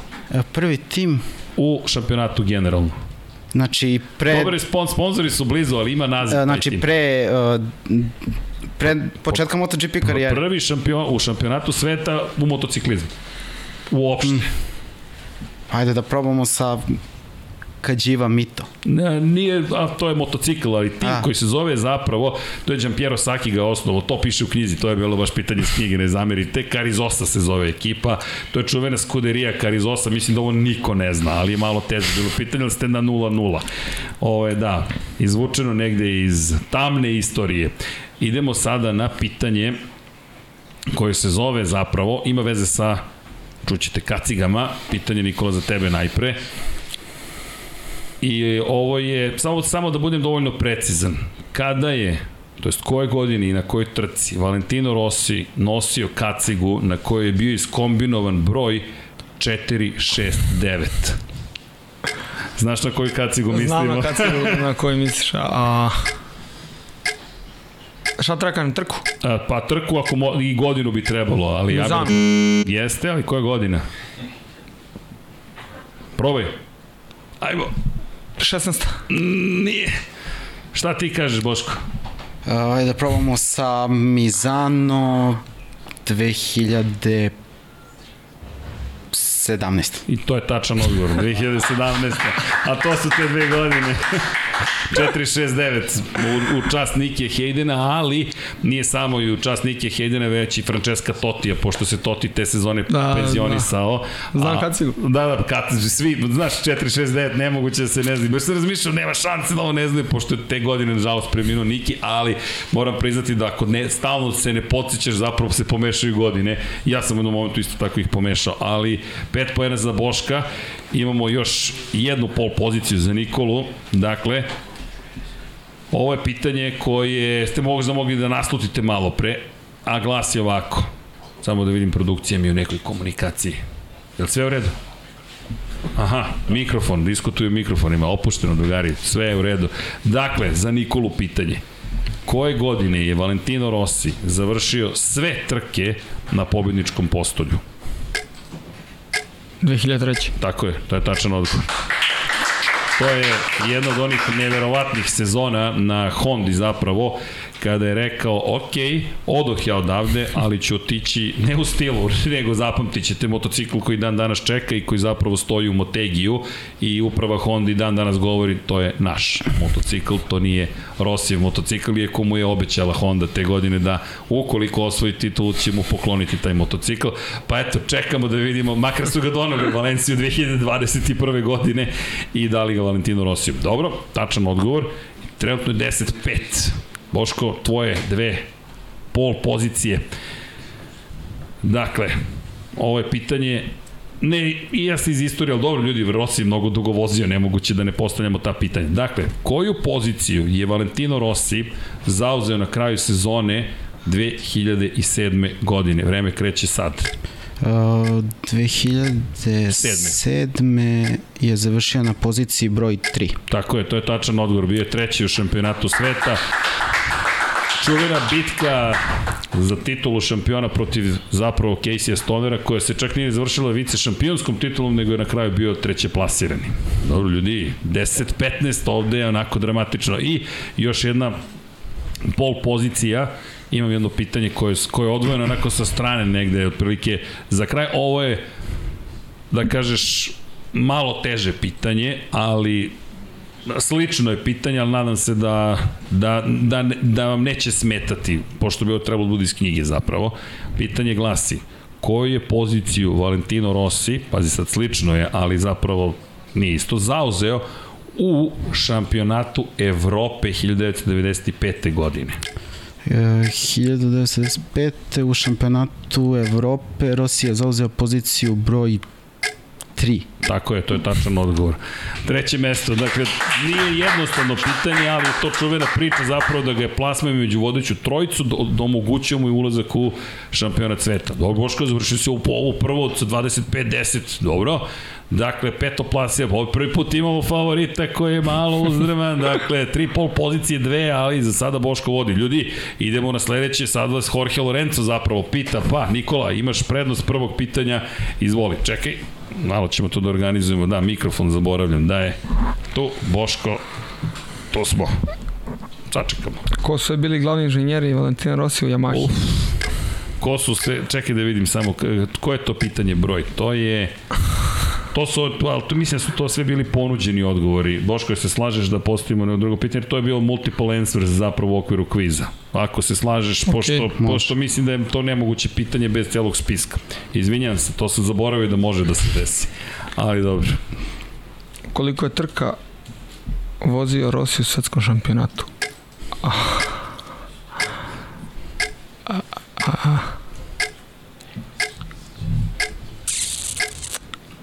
Ne znam. Uh, nemaš po, dodatne poene ili šta kažeš Boško? 432. To je to. 4-3-2, to je taj odgovor. 432 trke. Dobro. Čekaj, to je bilo prvo pitanje. E, da. To je prvo. Ajmo Boško, sad imate po pet, tako da Nikola 10-25, dobro, vidim još uvijek. Kako se zove Rosijeva sestra? Kako, opa, kako se zove Rosijeva sestra? Uh, da li znate? Klara. Sestra, samo ja da provjerim da ne bude ja, da ja grešim u celoj ovoj priči. Samo moment, moment, tako je Klara. Jer ja zamenim Karlu i Klaru. Jesi znao to? Znao. da, pošto da, za Klaru Rossi uglavnom ne zna mnogo ljudi. Imamo valjda još jedno. Pošto ide jedan, Ne, ne, dva. promenili smo da, Aha, da, da, da. pošto sam se ja izgubio u prvom kolu, pa sam por, pa bolje je da imamo jedno, jedan, jedan, jedan, jer u suprotnom ćemo da napravimo potpunu pometnju. Ja ću da napravim. Vi nećete. Koji svetski šampion klase 125 kubika 95 u Barceloni držao Rossi kišom preko početka trke? Evo, A, odgovorio sam tačno u kvizu to, a to je a, a, Aoki. d- Aoki... Pa ime mu je, je, ne znam, japansko, kako da znam. Pošto ih ima Znam dvojica. ko je, ali Boško, šta ti kažeš? znam i sliku. Haručika. a, ok. Haručika je Aoki, ali šta ćemo da radimo sad, komis Boško, n- nije potpun odgovor, izvini, niko. Kako? Priznaje se. Priznaje se. Jel da priznam? Boško, ti si tu takođe. Može. Pa Aoki je, Okej. Haručika je.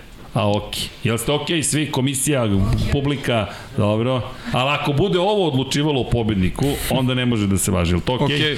Jel to u redu? U redu. Dakle, ne, ne, pa zato što nije potpun odgovor, jel tako? Evo neki ovde mašu glavom. Kako? Molim? Šta? Šta, šta, šta, tako je, tako je, zato što su ipak braća, pa da damo dva i po poena. Možda sam malo bliže. E, da, naravno, izvini, molim te.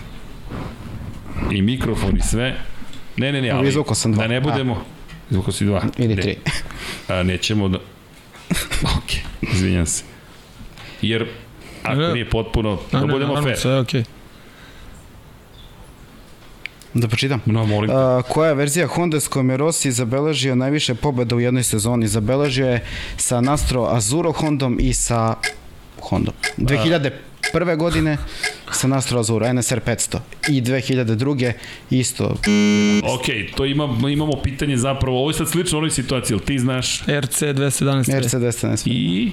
I NSR I 500. NSR 500. to Ok, to je to. Da. Dobro, to je, to je tačan odgovor. Ma, to je to, Boško. Mi, samo da se zna šta smo pitali zapravo. Ne, ne, zato što... Mislim, je znam godina. Model, ne, ne, ne, ok, ok, ali dobro, bojte se, zna, mi imamo sad, ljudi, mi smo ovde malo opuštenija ekipa, to je MotoGP ekipa, nismo previše opušteni, nemojte ništa da brinete. Ajmo sledeće pitanje. Pratimo, pošto smo ima, bili malo popustljivi, ne sam da budem popustljiv, pretpostavljam u kvizu. Najgori Koliko je visok Valentino Rossi? 181 cm. Jel 181? Čekaj samo da Tako proverim. piše. Ta, ja mislim da je to tačan odgovor, ali nemojte me držati za reč. Jeste 181 cm. Ne znam više tačno. Znam da je preko 180. Znam da mi niko ne veruje kad kažem da je 180 i, i Negde nešto. piše 182, negde 181. Pa mi smo uzeli sa njegovog sajta, piše 181, pa ja koliko znam da smo tu istraživali podatke. Ali, 20-35, to je treće sada pitanje koje postavlja Jorge Lorenzo. Stvarno ima ovde 100 pitanja. Okej, dramatično mi to izgleda. Koje godine je osnovna Akademija V46? Akademija V46 je osnovana 2013. Koje godine je osnovana akademija? Samo ja da proverim da ne bude moje godine, da čine dve- 2013. 2013. godine jeste... Dobro. Čekaj da vidim da li je tačno. Ej, ne, nije. Daj da proverimo još jednom. A, da ne bude greška, ali meni piše da nije tada osnovana. Samo sekund. Ajmo komisija da proverimo ovo još jednom. Akademija, ne, Akademija je osnovana 2013. Ekipa je 2014. To nije isto. A je li bilo za Akademiju ili? Akademija, Akademija. Ne, ne, zato što je ovo za osnivanje ekipe. Jer ja pamtim isto 2013. 12. znam da je bilo malo, nažalost, posle pogibi Marka Simončele kada je Franka Morbidelija zapravo primio u akademiju. Dobro, to je tačan odgovor, je li tako? 20-40. Dobro, bojte ste znali. To je to, dolazi se sa znanjem u kviz. Šta kažu prvi, drugi nosilac? Koji rival imao Nadima Krimski imperator, Max Pa Bijađi. koji? ovo je bilo lako. Ovo je baš lako. Ja se nadam da je bilo lako, ljudi. Pošto ovo, to je četvrto pitanje, je li tako? Ajmo, Boško. Boško. E, Na kojoj stazi je Valentino Rossi ostvario najviše pobjeda u karijeri? Na stazi u Asenu i na stazi u Herezu. Mm, nije tačan odgovor. Nemam pravo da govorim. Nije tačan. Imaš pravo da govoriš, ne, nećeš dobiti... Katalunja. Ali, Katalunja. I ja sam. Jeste Španija, ali nije Jerez. Ali nije, bukvalno da si rekao Španija, pa ti postavljam pod pitanje, ali nije Jerez u pitanju. Ok, imamo još jedno pitanje, ali da, bio si blizu, ali nije Jerez, nego Katalonija. A što najgore znaš, verovatno. E, Da li Valentino Rossi ima brata, sestru ili oba? Oba. Oba, to je tačan odgovor. Da, ovo je, pa pogotovo uz ono pitanje sa sestrom, dosta jednostavno. Izvolite. To smo zapravo pripremili u okviru kviza ko odgovori na oba da zna da ima sestru. E, Pa da, e, Koliko je Rosiju bilo potrebno trka da zabeleži svoju prvu pobedu? Jedna. no, prvu pobedu. Prvu po, pa da, koliko, koliko pobjeda je Rosiji bilo potrebno na Yamahi da zabeleži prvu pobedu? Pa Jel jedna. napiše na Yamahi? Pa na A Yamahi. ne, nisi pročitao na Yamahi, ja makar. A koliko je Rosiju trka bilo potrebno na Yamahi da To zabeleži to, to je prvu to, to je pobedu? to, to je to, Jedna. jedna pobeda. Ponadao sam se da je Ne, ja pogrešio, da. pomislio Jedna. ne, nisam ponadao, ja sam pomislio, čekaj, Nisam, stani. pa ne, nije ali rekao da sam Yamahi, vratio da. čoveka, da Yamaha, ne Yamaha, ipak da, Yamaha. popustljivi smo, znaš. Da, pošto malo su čudno napisana pitanja. Da, da, pa, ne, ne, ne. Redo se da reći malo. Da, da, pa. to, to, potrebno je, da li Yamaha je dosta granično, čekaj, kako Yamaha, ne Yamaha. znaš 11, i kao nemoguće da ne znaš, ali to je to. Ali da, ne, ne, ne. Da, Yamahi samo jedna. I opet Jedna. imamo ovu situaciju, ove prve dve. Dobro, 30-45. Ljudi, idemo u poslednji krug. Dakle, idemo sada na dramu i pojavit će nam se, kad ja kliknem start, pojavit će nam se dugme. Mislim da će ti biti veće dugme ako ga postaviš ovako, čisto da znam. Kako? Boško namesti ga. Tako, namesti telefon. E, ne, te, ne, ne, ne, obrnuto. Ovako. Portret, tako je. E, Sad će ti se pojaviti. Čim ja kliknem start, poj, a, klikni samo da se resetuje, mislim. Na close. Ne, ne, ok. Close, da, close, close. E, to je to, taj ekran sada imaš i bi izlaći će ti brže. Dakle, imamo samo sekund, molim vas. Samo telefon Uh, da šta šta? Aha, da ne bude u ekranu. ok. Dobro. Ovako, ide pitanje. Dakle, kada ga postavim imate malo vremena da odgovorite. Ovo je relativno jednostavno pitanje, ja mislim, ali hajde, saznaćemo. Koje godine je Valentino Rossi osvojio svoju prvu titulu u automobilizmu? Plavi je prvi, udari, samo udariš po tome. Uh, 1990. to nije tačan odgovor. Boško, ti si se javio. A, hi- a, 1989. Ne, čekaj samo da proverim. Koje si ti rekao godine? 90. 90. Meni piše 91. ali ja mislim da je 90. tačno Mislim da je odgovor. 90. Jeste 1990. svoju prvu titulu. Pravo si, moja greška, izvinjam se. Bio je pravo, nije 89. 89. nije se zapravo ni klasifikovao, nije osvojio čak ni poen. Ali jeste u kartingu, jer meni je ostalo 90. glavi, razmišljam, kako nije tačno, to je tačno odgovor. Izvinjam se za zabavnu. Čekaj, Nikola, ti si sad se prije... Ovo je sad dramatičan, sad poslednji krug. Dakle, tako da si bio u pravu. Ali vidiš, proverava odmah komisija. To se znanje mora čuvati u glavi. Idemo na sledeće pitanje, a to pitanje glasi, dakle, jeste spremni ljudi? Ovo je statistika sada, evo, pripremam vas da znate da je statistika u pitanju. I kažem sledeće stvari, a to je, sad će vam se pojaviti pitanje polako, koliko je ukupno puta u svim kategorijama šampionata sveta Valentino Rossi bio Samo da proverim, je ovo svih kategorija? Samo sekund, molim vas, pošto mi ovo malo čudno deluje. Da proverim, mislim da ovo nije za sve kategorije pitanje. Jeste, ipak je za sve, za sve kategorije. Izvinite što sam morao ovo da proverim još jednom. Ali, dakle, pitanje je koliko je ukupno puta Valentino Rossi bio drugo plasirani u svim kategorijama šampionata sveta? Zeleni Uh, drugoplasirani 69. samo da proverim, drugoplasirani u svim kategorijama, pošto imam drugi odgovor, ali da proverim. Samo sekund, molim vas. Izvinjam se što čekam, ali imam... U, molim? Uh, pošto je meni piše 65, tako da moram da sačekam da vidim da li smo ovde mi pogrešili. Nisam se ja javio. Da li, nisi se javio? Ne, ne, nisam. Da, okej. Okay. Dakle, samo da vidim, Boško, oprostite, moram ja ovo da proverim za svaki slučaj, jer mi deluje kao da, apropo ovoga, nije tačna informacija. Ja se izvinjam svima, 61 put je bio na pobedničkom postolju, koliko ja znam, u Moto Grand Prix klasi. Tako da, 61 put u Moto Grand Prix, ali da pro, proverimo samo na drugoj poziciji koliko puta je bio u nižim kategorijama. 62, 3, 4, 5, 6, 7 puta je bio drugoplasirani. Da proverim još jednom, Boško, da ne bude da grešim. 1, 2, 3, 4, pet puta je bio drugoplasirani, da ima, da ima, da, da, šest puta je drugoplasirani, dakle 67 ukupno puta je bio na poziciji broj 2 u svim kategorijama. Sad ste izjednačeni. Dakle, 40-40 imamo dva poslednja kruga do kraja. Okej, okay. Vidite, ova glava još uvijek služi nečemu, moramo ovde da proverim. Izvinjam se za zabunu koja se kreirala u ovome trenutku. Ali, idemo dalje sa pitanjima. Dakle, samo sekund, molim vas. Ovo je to je aplikacija koju koristimo da bismo došli do ovoga. Dakle, ovo je pitanje koje je relativno jednostavno. Koliko sezona ukupno je Valentino Rossi imao bez plasmana na pobjedničko postolje? Plavi? Koliko sezona, ponovit ću, je Valentino Rossi, Rossi imao u karijeri u svetskom šampionatu bez plasmana na pobjedničko postolje. Dakle, kroz celu karijeru koliko puta se desilo, koliko godina je bilo da nije bio na pobjedničkom postolju. Od 1996. do 2021. Dve. Nije tačno. Boško, čekaj. Offer question to zeleni, da. Da probamo tri. Nije tačan odgovor. I jedan i drugi idete na 35 poena.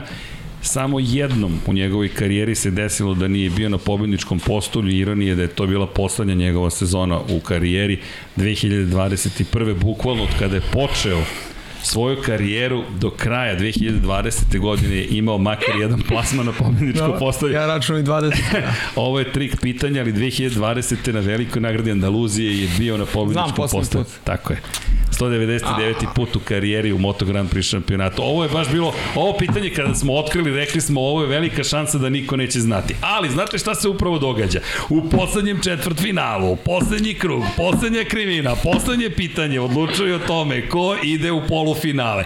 Pa da režiramo, teško da bi bilo. Ali imamo jednu dramatičnu situaciju, onaj prekršaj iz početka koji bi mogao na kraju da bude presudan, ali vidjet ćemo, to je sada na vama, može da se desi da ćemo zapravo doći u situaciju da imamo zapravo bonus pitanje, ali ajde da vidimo gde smo u celoj ovoj situaciji. Boško, jesi ti okej? Okay? Ja sam, ja sam. Sve okej? Okay? Sve okej. Dobro. Ok, ovo, ovo pitanje sam čuvao baš onako u, kako bih rekao, u šteku baš za ovakvu dramatičnu situaciju. I ovo je gotovo nemoguće Hvala. pitanje.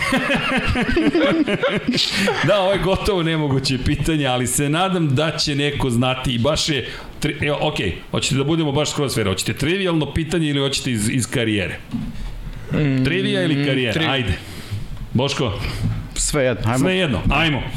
Dakle, za koju trku je Ajde, neću da vas pitam godinu, pitaću vas samo za trku u kojoj državi. Je Valentino Rossi ilegalno prešao granicu bez pasoša? Da li iko želi da rizikuje u ovoj igri u ovom trenutku? Plavi?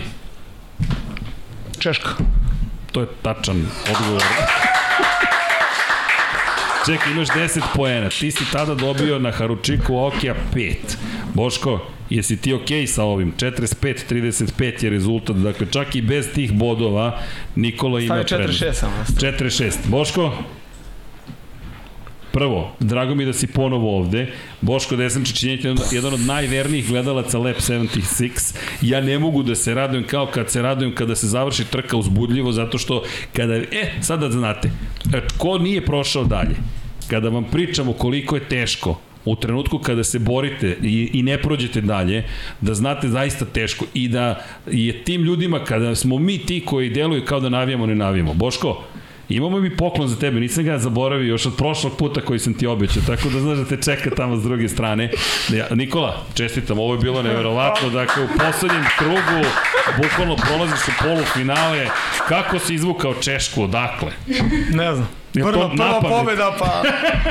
Ne, to je čisto da znate priča, to imate u knjizi. A ima i ona pugnuta guma u, u Brnu, pa rekao... Ima svega Možda u Brnu, ovaj put. ali desilo se šta? Rossi je zaboravio pasoš i kako tada Evropa nije bila, dakle, kada je reč o Češkoj, deo EU, EU, dakle, govorimo o tome da ste morali da pređete granicu. Rossi je zaboravio pasoš i preko svih prelazaka zapravo, mada mislim da je kroz Austriju prošao, pa onda je išao odmah na Češku, došao je u situaciju da zapravo se sakrije u ormariću kampera kojim su se vozili i na taj način prođe granicu i ja ne znam da li je to legalna zapravo legalni nastup uopšte pošto je to bilo baš 96 za čovjek je ilegalno prešao granicu i takmičio se u svetskom šampionatu. Nikola, čestitam, aplauz za tebe, aplauz za Boška. Ljudi, Ovo je baš bilo dramatično. Boško, još jednom. Drago ti vidim, molim te ostani. Dakle, imamo za tebe, to je Boško poklonski, rođenski poklon pre dve godine, ja mislim, otprilike, koji stoji ovde i čeka ga. Samo što imaš noviju verziju, zato što je toliko vremena prošlo da smo, da, i on stoji, stoji, stoji i koleginice s pravim pitaju, dobro, jesi svestan da, da, ovo sad više ne vredi, 2022. je. Tako da hvala. Da ima dama ovde koja brine. Ljudi, mi se vidimo malo kasnije, sad ide polufinale. Ljudi, ajmo aplauz, ovo je jako bilo dramatično, zaista. U poslednjem trenutku, poslednji... Gde je Nikola izmislio Češku, nije mi jasno, ali okej. Okay. Dakle, dobro, Nikola je sad bio, Dimitrije je onako prvi nosilac, dugo se odmarao ja mislim da je vreme Dimitrije i Stefan da ponovo dođu za pozornicu. Dimitrije, tvoja je sada plava stolica. Ovo je baš bilo dramatično. Moram priznati, nije mi lako uopšte u ovoj situaciji zato što ne volim da gledam kada kada ne, kada ne možemo da ustrećemo sve ljude, ali šta da radite? Dobro. Ovo je bilo dramatično.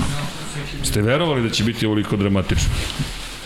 Šta ste slušali? Ajmo malo pričali, neko mora pričati, ne samo ja, ljudi, aman. U, u neverici smo. U ne, bukvalno, ja sam u neverici, ovo da smo režirali, ja mislim da ne bismo mogli da izvedemo, bukvalno.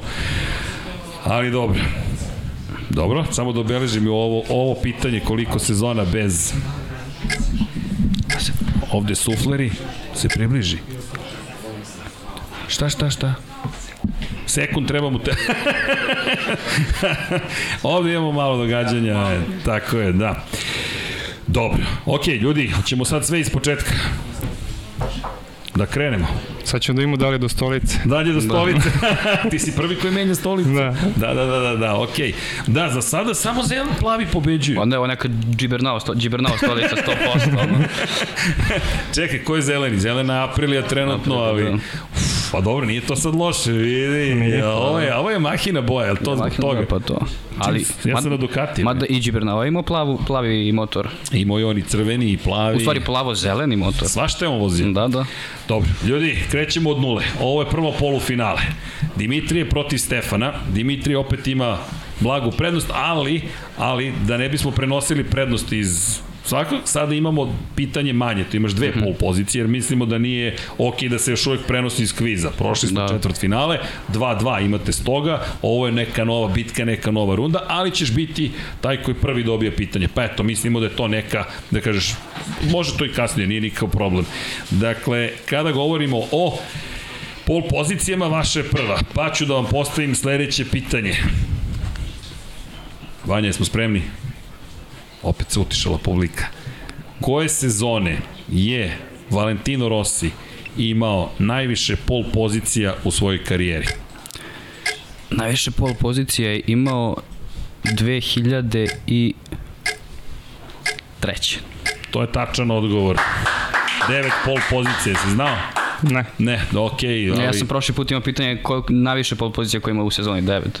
Stvarno? Da. Kako smo ponovili pitanje? Ne, ne, bilo je koliko najviše ima pol pozicija, a ne koje sezone. A, jasno, jasno, jasno. Da, da, da, to vidiš. A dobro, malo, ali da. Sreće, sreće. Sreće, ali dobro, ta 2003. se po, nekako pone. To je bila impresivna sezona, zaista, kada Pa, pogledaš. Šta god da je vezano za rekorde, mora da spomene negde 2003. Bukvalno Ne- mora nečemu, da uskoči 2003. godine, ali bukvalno mora da uskoči.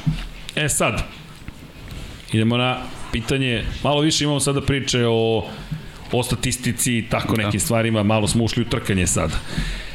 Zatim, koliko, ovo može biti teže pitanje, koliko najbržih krugova je Valentino Rossi imao tokom svoje karijere?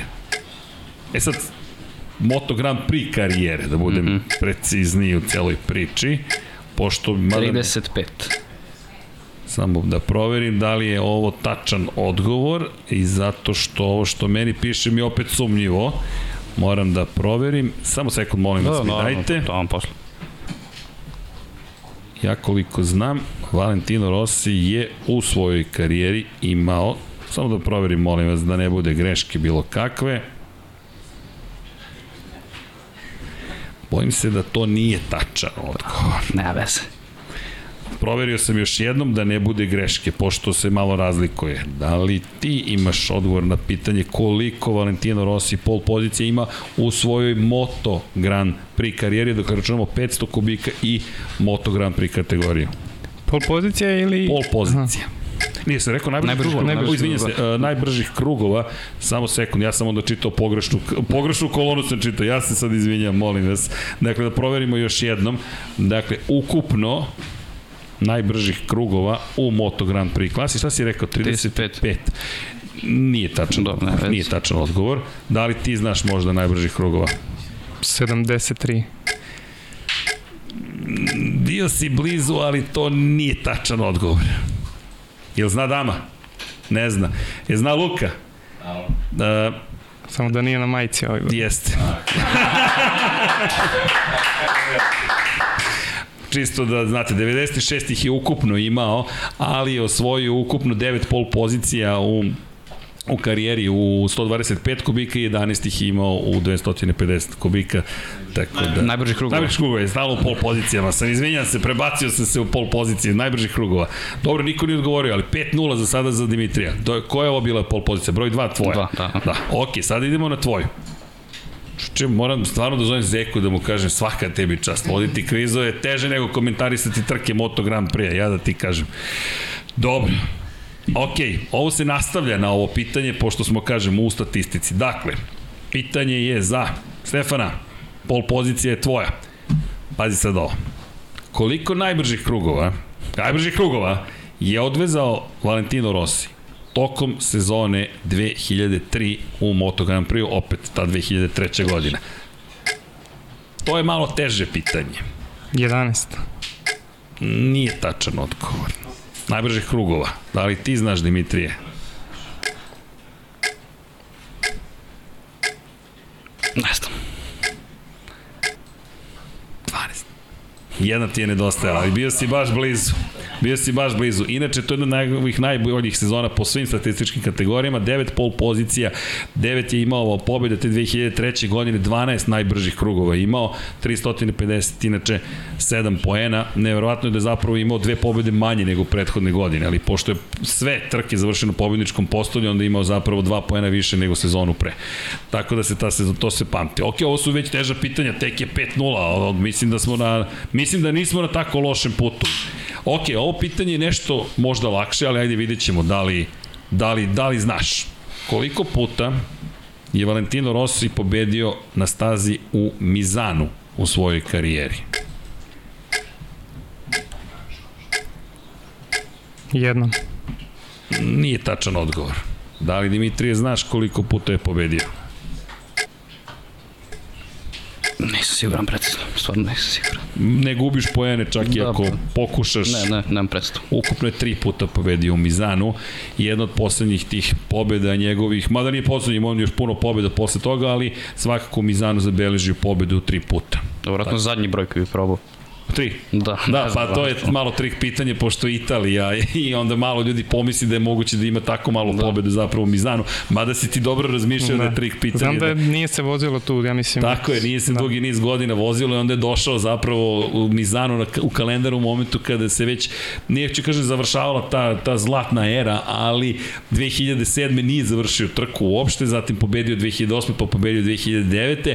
i to je onda počelo celo ludilo otprilike i prvo po, jedno od prvih pobjedničkih postoje zapravo u Americi kada se vratio na Mahu, to je vrat kada se oporio 2010. i onda je došao Mizano, ali to je već neka druga priča. Ok, ljudi, idemo na kacigu Jorge Lorenza, sada je 5-0, ovo je druga vrsta drame, ovo je, ne znam koja je ovo sezona, ovo je 2020. Ko napravi manje grešaka, dakle da vidimo. Dimitrije, izvoli. Tvoje pitanje, sad nadam se, mada koliko pitanja smo izvukli, Koliko je Rossi osvojio pol poziciju u svetskom šampionatu? Eto ih pol pozicije su stigle na red, dobro? 65. 65, samo da proverim, to je tačan odgovor, 65 pol pozicija, to čak i ja znam, ali za svaki slučaj da pogledamo, da ne bude greške. Ajmo Stefane da imamo šta kaže Jorge. To, to, ovo su sad prvi poeni, sad je važno da se ostane u igri, da ne bude 10-0 pa 15-0 pa Koji član Akademije VR46 je prvi postao šampion sveta u bilo kojoj klasi? Morbidelli. Franco Morbidelli, to je tačan odgovor 2017. godine u Moto2 klasi. Ok, 10-5, imamo dramu i dalje. Dakle, idemo na pitanje broj 2 za tebe iz kacige Jorge Lorenza. Ko je bio prvi šef ekipe VR46 u svetskom šampionatu?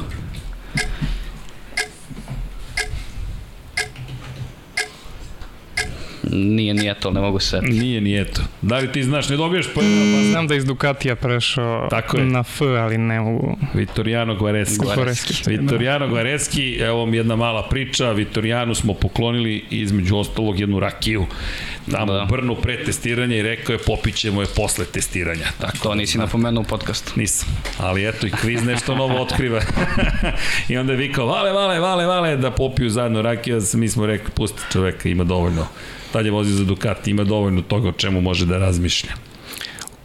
U kom gradu je rođen Valentino Rossi? A u, ovo je ta teška, ovo teška pitanja. Dakle, u kojem gradu je rođen Valentino Rossi?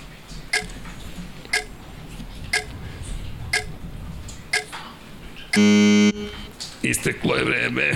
Ali dobro, Tu mi je, ali ne mogu. znaš ti. Urbino. Jeste Urbino. Urbino. Znam da je na U Urbino, i- Zato što je to trik, nije Tavulj, Tavulja i svi misle da je Tamo se preselio posle. Tako je, ali Urbino je zapravo mesto rođenja. Ok, koje je bilo treće pitanje? Je li tako? Beše vozio od Urbina do Tavulja, imao onaj Jeste. specijalni. Jeste, vozio i to na M jedinicu. To je prvi put da smo videli da neko vozi M jedinicu zapravo po drumu. Ok, ponestaju pitanja ovde, polako se cedi. na kojoj stazi Valentino Rossi nikad nije pobedio? Aragon. Koji, tačan odgovor, Aragon, jedno od redkih mesta na kojem nije pobedio. Ali nije jedina. Nije jedina, Da. tako je. Da. Ali hoćemo da Ma prihvatimo. da, može. Koja je druga? Pa ima i Red Bull Ring. I ima još neka? Ima i... Nije pobedio u, na Koti. Dobro, I dobro. Ima još Što je jedno. došlo posle Pa da, šampiona. pa, u suštini od ponuđenih pitanja koje smo mi imali zapravo Da, u ja kvizu ja Aragon sećam je onda iz bio. kviza, da, Jeste, je jeste, jeste, ponuđen. ali da. Ovo je znanje, čekaj, ovo je Da, bilo, ovo je stvarno. ovo je stvarno znanje, svaka čast. Ja, aplauz. Aplauz, bravo. Ima tih nekoliko staza koje su se pojavile, ali niko osim Markeza nije pobedio tamo do Rinsa. Koje nacionalnosti je Valentino Rossi? Koje nacionalnosti je Valentino. Rossi? ok, ovo je bilo i srećno pitanje, eto Lorenzo je malo pomogao. I imamo još jednu sve seriju pitanja, pa da vidimo. Kakva je situacija u publici? Živi ste još uvijek, čekaj. Koliko sezona je Rossi koristio Michelinove gume? 14. To je tačan odgovor, 14 sezona, bravo. Ok, impresivno, zar ne? Dunlopove 4. Da, da, da, da, pa dobro, u 125, 250, 250. pa onda Michelin, pa onda Bridgestone i tako. Opet Michelin. Bilo je tu puno godina s Valentinom Da, da. Rossijem, da, neverovatno je kada pogledaš, sabereš sve i kažeš čoveče, 26 godina u šampionatu sveta. Kod nas ovdje ima toliko. Je liko ima, to sam ti da pitam, ima neko od vas 26 godina? Evo troje ljudi, evo ja imam 26. Stiljivo. Koju poziciju je Rossi zauzeo u prvoj trci u 250 kubika? Nije završio. Uuu, opa, okej, okay, dobro. To sve imate u knjizi, by way. Jeste sećate koja je bila trka? Velkom? Uh, Japan, ali... Japan, aha. Da, nema. Ni nema sledeću nije završio emisiju. U 250, prve dve nije završio.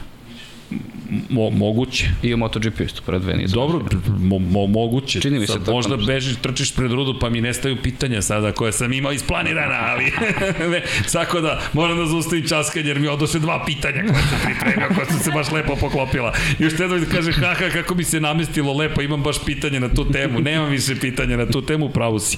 To se zaista desilo, ali dobro. Hvala za nas koji nismo znali.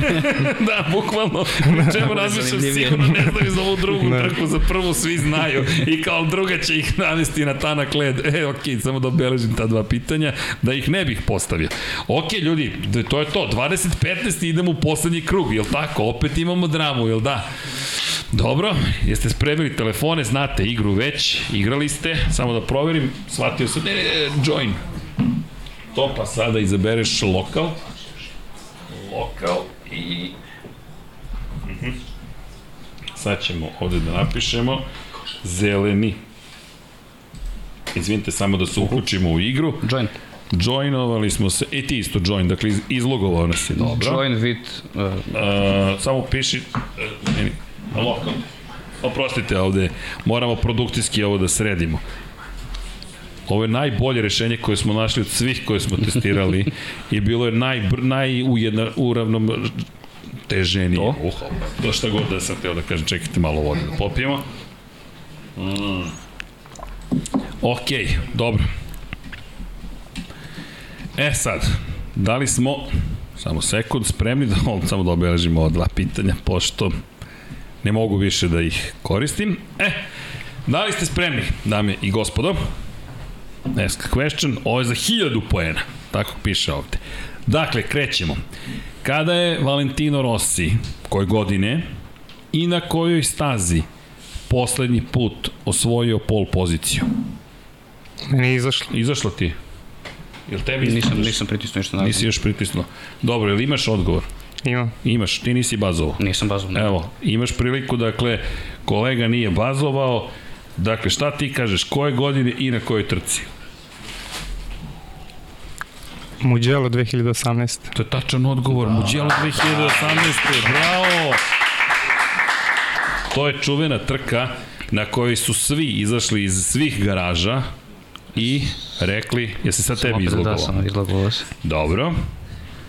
Sad ćemo mi to... Ajde da vidimo da li radi još uvijek ili smo ga resetovali, browse lokal. Izvinite sada za ove tehničke probleme, ali je odgovor tačan čuvena trka na kojoj je bukvalno ceo padok, svaka garaža, svaki vozač, svaki mehaničar, svi su izašli, ne znam da li se toga sećate, i pričali su o tome, ne moramo da ovde poništimo igru, zapravo end session i sad pokrenemo ponovo lokal, VR VR, izvinjam se za ove probleme u produkciji, ali to je sve deo Infinity Lighthouse-a. Kakva je situacija na četu? Ima neko neki komentar, privedbu, za, zamirku, pohvalu? Za koga ga navijate? Ajmo da vidimo, postavite tamo Pol, Dimitrije ili Stefan, ajmo da vidimo da li se publika podelila ili nije. Dakle, ok, pokrenuo sam ponovo, izvinite ljudi, pokušavam sve zajedno da obavim. Zeleni, vi ste kolega Zeleni, VR46, ja mislim da ste sada ugovorni, neće da radi. Ok, mislim da imamo problem, produkcija. Choose, VR46, waiting for players, evo ga, zeleni se pojavio. Dobro. Ajmo sada dalje. Join, browse local. Izvinjam se što vam ovako sad dižemo tenziju, nije ovo planirano. Plavi. Set. O, hvala ti Vanja. Hvala ti Vanja. Čekaj, trenutno je koliko? 25-20. Da. Ovo je pretit. O, pojavio se Bogdan Brđević, ovo je naš dizajner koji niko ne zna gde je poslednjih mesec dana. Rekao bi po preplanulosti da je bio na moru, delo je zdravo, aplauz molim vas za našeg dizajnera. Koji ima, ima je majicu, to nije naše preduzeće proizvelo, kolega, ja vas molim da nosite zvanične promotivne reklame i tako dalje i tako dalje. U svakom slučaju, idemo dalje. Dakle, dobili smo odgovor. Imam pitanje koje je slično jednom koje smo već postavili, ali jeste spremni opet za 1000 poena. Dakle, koje godine je poslednji put Valentino Rossi u dve trke za redom bio na pobjedničkom postolju? Ste kliktali? Jesmo, valjda. E, ti si kliknuo, mislim da nisi. Ili nije reagovao. Tapnuo sam sad, ne znam šta se desilo. Uh, vidim da si tapnuo, ali probaj da ti tapneš ponovo, da, da će bazin da radi. Mislim da je bio brži zeleni. Tapnuo si, ali zeleni je pobedio. Koje Ove godine? godine je Valentino Rossi poslednji put bio u dve trke za redom poslednji put na pobedničkom postolju. 2019. To je tačan odgovor 2019. godine. Kota i ne znam koja je druga. Argentina. Da, Argentina. Drugi drugi je bio na početku sezone, peti, drugi, drugi, činilo se da postoji tu nešto što bi moglo da dovede do baš velikih uzbuđenja pred sam kraj sezone. Ok, 35-20, još dva pitanja, dakle još uvek krug nije završen, odvajaš se polako, ali sigurno ako smo u Barceloni, to je između 9 i 10 krivine, tamo je prednost. E sada da vidimo da li se dešava greška na kočenju ili ne. Ovo pitanje će biti zapravo malo teže, moram da vam priznam, tako je isplanirano. I postavit ćemo ga sada. Valentino Rossi je ukupno učestvovao u 432 trke, ali ukoliko trka je Valentino Rossi zvanično bio prijavljen za učešće. Vi ste odmah reagovali plavi, da li imate odgovor? Tri, Dakle, 432 trke je započeo, ali ukoliko trka je bio prijavljen za učešće, možete odgovoriti drugačije, na koliko trka zapravo nije zvanično nastupio iako je bio prijavljen. na jednoj trci. Nije tačan odgovor, to je trik pitanje. Imate vi odgovor? Recimo pet. Nije tačan odgovor. Dakle, ni jedan ni drugi niste odgovorili tačno, ali ste vi bili bliži četiri trke u kojima nije učestvovao. 436 prijava, pri- prijava je imao. Nažalost, neki su otkazivane usled smrtnih slučajeva, neke su nisu održavane zato što su otkazivane, poput Velike nagrade Velike Britanije. Opet se izlogovao. Impresivno, zar ne? Ali dobro, sredit ćemo ga mi. Može neko iz produkcije da mi pomogne. Pomozite u životu. Šalim se, ne, sad će mi to da sredimo. Dakle, da, četiri trke je imao u kojima zapravo nije učestvovao. Ja mislim da ste jedan i drugi izgubili po par poena, ali drama... Ali ja se nisam prijavio Nisi sad. se prijavio? Ne, ne. O, ti nisi izgubio poene, Nisam to je samo da. ovako bilo Da, to je to. informativno. Pa ja mislim da je to to, ali dakle nije do stolice na kraju. Ne, ne. Nije do stolice, ali ajmo da imamo još jedno pitanje koje ćemo da izvučemo iz one nemoguće misije, mada ih već negde možemo reći i i znate, ajde da se tako izrazim s obzirom na činjenicu da ste ih već prošli. A to jeste bilo pitanje zapravo, mada te smo, to, to smo već odgovorili u suštini, ali i stepen prenosa, i Haručika, Oki, i Klaru smo spomenuli. Imamo, evo, ovo je lako pitanje. O, ovo je lako, ja mislim da bi svi znali polufinalisti i finalisti. Ko je pored Valentina Rosija spojio sve tri titule u 102? A, vidim, već se klikće uveliko, pa sad ko će biti brži, otprilike to je cela priča. Gospodine Phil Plane, Reed i Mal, Mark Marquez. Tako je. To su ta tri vozača. Stefane, čestitam. Hvala. Čestitam, čekaj Dimitrije, svaka čast. Znači na svemu. Imaš ti još jednu bitku. Precenio sam Sito Pons krivinu. ok, peta krivina Peta u krivina, Herezu. da. Jeste, malo si... Pre... A ti, znači, ovo smo vozili u Herezu. Da, da. Ali dobro, pazi, moram pristiti, baš bilo je dobri odgovori. Jest, Ovo, jest. Stefane, svaka čast. Nisu bila laka pitanja, pogotovo je Muđelo 2018. Gledalo se to na YouTube-u, taj lap. U krug. Da. u krug, da. Ali meni najimpresivniji zaista taj aplauz koji su oni pružili legendi ovoga sporta i rekli, ej, svaka čast za ovo što si upravo učinio. Ljudi, Ne, hvala. i, samo, iskreno, trke koje, koje je znao koje Rossi nije pobedio, to je tačno razlika od ovih 10 pojena.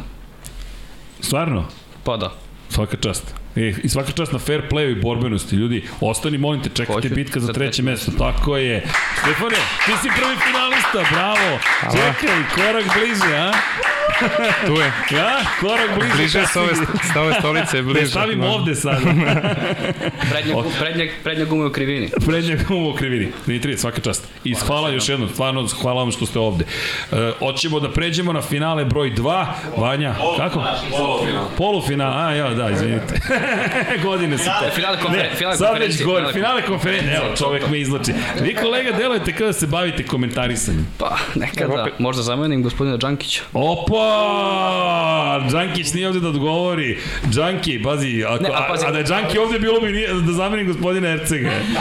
Ne, znam, ne, ne znam tu gospodu, Ne, to ni jednog to, ni drugog. to sam baš danas razmišljao i kao, a ne bi bilo to to gledam trku da ne prenose Đankić i Srki. Znaš, Hvala. nije to to, nije to to. No, hvala, hvala. Gospodin Đankić je, ja se nadam, makar duhom prisutan. Sutra ćemo se vidjeti kolega Đankić je. Kako? Zdravo. Jeste, jeste. Evo. Jeste, zdravlje. Znaš kako se oporavio? Sva ova putovanja su prijela, Holandija pogotovo. Kako nam izgleda žreb sada, Vanja? Šta kaže žreb? Gde smo u žrebu? Kakva je situacija? Vanja ovde neće da me uputi u situaciju. Ljudi, ja mislim da je vreme da pozovemo naše druge finaliste, to su Mladen Stanković i Nikola Sabolje. Nikola, sad si u zelenoj stolici, dobili ste jedan aplauz. Ne znam da li to, ne, ne, ne, ne, ne znam zašto, ali dobro. To de, devoj, od devojke. devojke. Čekaj, ste vi sa devojkom? Mm, on jeste, ja. Ti jesi? Da. Aj, Moja- ti, a, vi ste lepša polovina, Niko je. A, okej. Sad Moja razumem onaj streamu, pogled tako malo da. pre. Šta se ovde zbiva? Zašto je ovo situacija u kojoj se nalazimo? Elem, ok, vama još uvek e, radi igrica, ovo ćemo da sredimo pre nego što počnemo. Do sada nas nije bio izdavao ovaj sistem, ali naravno da mora da uradi to u live-u. Znate kako, kada generalna proba dobro prođe, prođe obično onda kada sve ostalo funkcioniše, nešto se desi. Huh, dve pol pozicije, dve pol pozicije, nema više prednosti pol pozicija, dakle, to se obrisalo samim time što ste došli do polufinala, do polufinala i ja se nadam da će ovo biti uzbudljivo. Za sada, duel Nikolin sa Boškom je najdramatičniji koji smo imali u celoj ovoj priči, s obzirom na činjenicu da je zaista bilo dramatično do samoga kraja. Dobro, par pitanja sam izgubio, šta da radim, tako se dešava, ali hoćemo mi izvinjam se, da krenemo polako, ali sigurno dalje. Samo da nađem da li mi je pitanje, da li su mi sva spremna, da li je sve sređeno, da ne bude nekih grešaka. Do, to je to. Krećemo? Spremni. Ovo nije, no, mada ovo pitanje nekako mi deluje da ćete vas dvojica a, s lakoćem rešiti. Možda grešim, vidjet ćemo. Koje sezone je Valentino Rossi osvojio najviše poena u Moto Grand Prix kategoriji?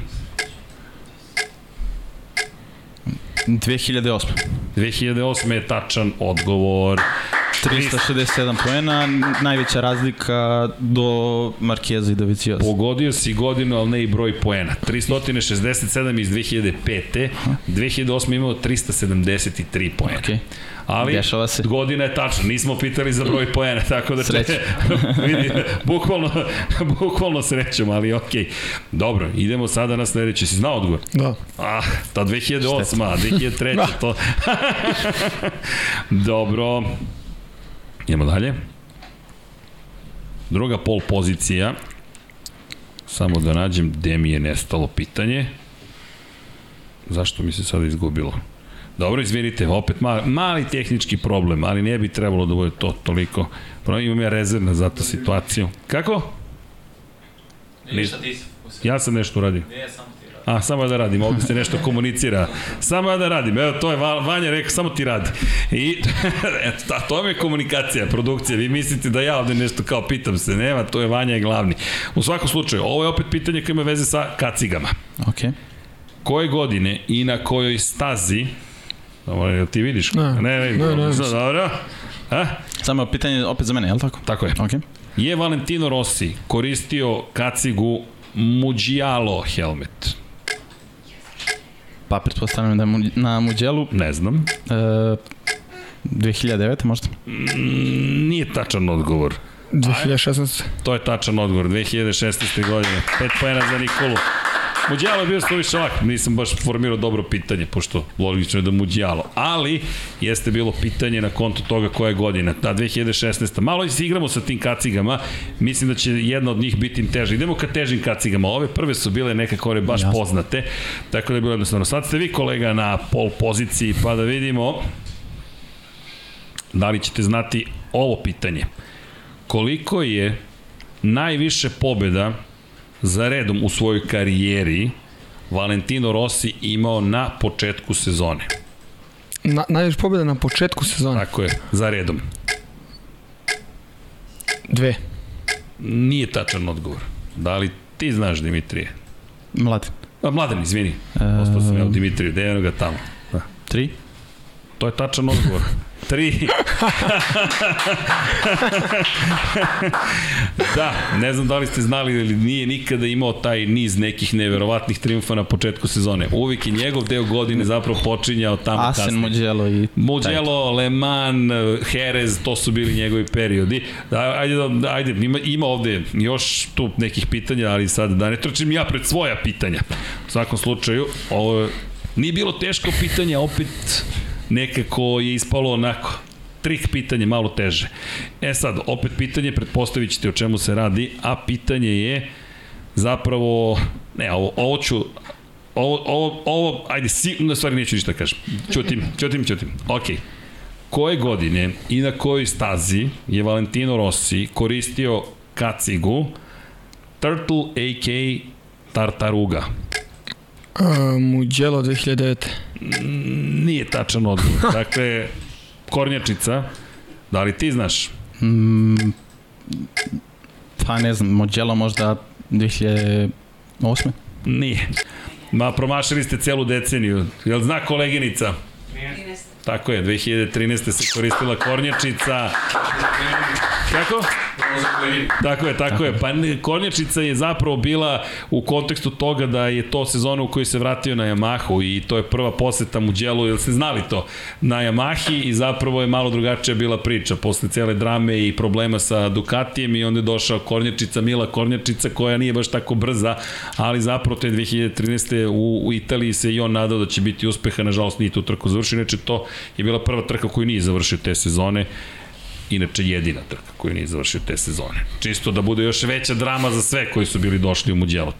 Povratak je bio dobar u Yamahu, ali bio dosta dramatičan. Je to bila druga pol pozicija? Uh, Jeste. Da, da. A mi smo na 10-0. Nije, mladene, bolje si odigrao u prvoj igru, pa da... Ima Malo minus. više sreće, ništa više od Da toga. ima minus u prvoj igri. Uh, ima, ali... Kako? Kad drugi odgovara, da, kad drugi odgovara nemaš, nemaš Samo minus na onaj koji ima pol Na poziciju. prvu pol poziciju on ima. Ne, ne, došli imamo jedan tačan, pa sad ne zbog toga. A Ali imao si tačno na mom Da, da, na njegovom, ne, ne, da, Da, okej, ali okej. imao si svoj net. Da, da, okej, ne, ne, zato ne, pitam. ne, Ja- Evo, komisija, pratite.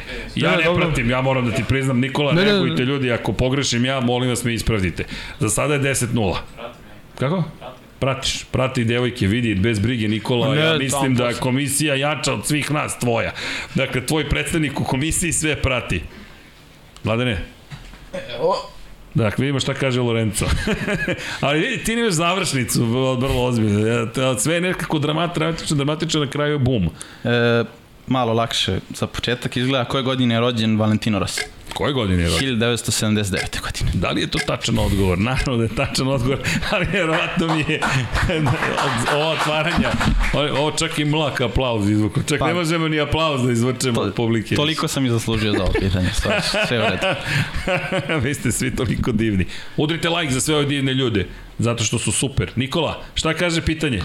Koliko plasmana pobjedičko postolje je Rossi imao u kraljevskoj klasi? Plasmana na pobjedičko postolje ima u kraljevskoj klasi. Jel devojka zna odgovor? A, Zna, vidi, na, vidi, daj osmeh. 198. Šta vi kažete čisto? Jedno više, 199. 199. Jurio je, Jurio je Jurio je 200 200 ti to. nije do... Dobro. Ali 109, to čak i nije toliko teško pitanje. No. To je taj čuvenih 199 plasmana na pobjedničko pjes- postolje. O tome smo baš pričali mnogo. Ali lako se pomešaju brojevi, to je činjenica. Ko ne prati stalno, Evo malo se vraćamo pre svetskog šampionata. Pošto ko se je bio da se najveći, ne vraćamo. Da, da, da. Ko je bio najveći rival Valentina Rossi 1995. E, došao je zajedno s njim u, u šampiona 96. Ivan Goj. Nije tačan odgovor, ali dobro. I s Ivanom Gojem je došao, mu nije bio najveći rival. Locatelli. Ne, Lučio Čekinelo. Ja. Lučio Čekinelo je dominirao u šampionatu Evrope 1995. On je vozio zapravo de facto fabričku Hondu i dominirao je bukvalno. Zbog toga sam, zbog toga sam mislio da bi bio veći šamp... Ne, ne, rival, zato što su bili baš, bliži. Ne, baš su imali rivalstva, Ok. žestoka, čak imaš i u knjizi celu priču o tome i Čekinelo koji je rekao, ok, znao sam da je ovaj dečko lud. To je bio opšti komentar na Valentina Rossi. Ok. Koji Rossi je rival je nosio broj 99? Jorge Lorenzo. Evo, Jorge te častio. Hvala. ok, ovo je baš bilo jednostavno. bilo je neminovno da se desi. Ajmo da vidimo, mladene. Ovo je treći, je li tako? Da, ovo je treći kolo. E, koje godine je ekipa VR46 postala timski šampion sveta u Moto2 kategoriji? E, trebalo bi da je to 2020. godina. Ajmo da proverimo još jednom, da ne bude greške. 2020. godine. Si znao ovo? Da. po reakciji već vidim da si znao. Hvala. Aplauzi, treba aplauz. Koliko puta za redom je Rossi pobedio u Muđelu u kraljevskoj klasi? Sedam. To je tačan odgovor. Sedam. Da, čak i mene dobro. Samo za trenutak sam zastao, čekaj, da budem 100% siguran, sedam puta je pobedio za redom. I ne, mogo je i do osme, ali to je sad havajska priča čuvena, je, pa da, da, da. Ali dobro, dobar odgovor. Izvolite, četvrta runda. Bravo. E, kom rivalu je 2004. obećao da više nikad neće pobediti u svetskom šampionatu, motociklizmu i to se obestine? Pa, Kom rival? Sete Gibernau. Nažalost, Da, nažalost, ali, Ali to je surovo obećanje, ali tako se desilo na kraju. Bukvalno mu je rekao, nećeš više nikada pobediti. Katar beš. Da, Katar po danu, po suncu. Koje godine je počeo takmiči u šampionatu sveta Valentino Rossi? Samo sekund. Ništa? 96. Tako je. Mislim da je pogled bio u ovom trenutku dramatičan, moram ti priznati, ja sam gledao kako sam bolje da odgovori. Šalim se naravno. Ali, ok, 25-15, a mi smo ušli u poslednji krug. Ispred ovaj poslednji krug i nije toliko loš na kraju cele priče. Pa da uđemo polako, ali sigurno taj poslednji krug. Jeste spremni, gospodo? Da. Poslednji krug? Nadam. Da li nam aplikacija radi? Samo udrite close. Radi, radi, ne, ne, to je to, aktivna je. Dakle, ovo su pitanja malkice iz neke prošlosti, da tako kažemo. Koliko pobeda, ali poslušajte pitanje, koliko pobeda ukupno, evo da pomognem, je ostvario Valentino Rossi sa Aprilijom? Ko je bio? Plavi je brži bio. Ja, piše, Ti si plavi. piše frst. Da, da. E, trebalo bi da je 26 pobjeda. Jeste, to je tačan odgovor. Jesi znao? Pa računamo bi, ali... Oduzimao bi. Da, ok, da, to je, to je, opa, izvini, nije, nije, to je samo, x sam ja slučajno pritisnuo, ali dobro. Dakle, još tri pitanja. 35-15 je. Pazi, Nikola, i dalje ima šansu. Ovo sad je pun gas. Ja se nadam da neće biti kao prošle. Defanzivna vožnja sada. Defanzivna kao i put, braniš ulaz u tako je. Izbacuje se lakat. Da, izbacuje se lako, bukvalno. Ajmo, idemo na sledeće pitanje. Da, samo da nađem ovo, ovo pitanje molim? A, izvini Vanju, činilo mi se da si nešto rekao. Samo sekund, izvinjam se. Nisam obeležio jedno pitanje koje je bilo zapravo u cijeloj priči već prošlo, pa za malo da ga izgovorim. Dakle, pitanje je sledeće. Koliko sezona Valentino Rossi ukupno u karijeri vozača svetskog šampionata ima bez pobede? Plavi je opet bio brži. Mi smo.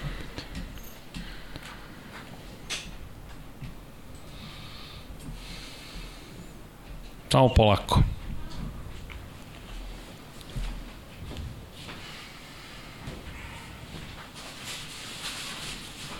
Imamo odgovor. Šest. Šest je tačan odgovor. Ukupno šest sezona. A ovo mlaki aplauz ovde. bravo. Bravo. Bravo. Nikola, Dve, ostalo je još jedno pitanje, ali bojim se da je... Okej, nema veze. Još dva? Još dva. Još dva, izvinjam Da, se. ovo je bilo drugo. Skočilo, devojka.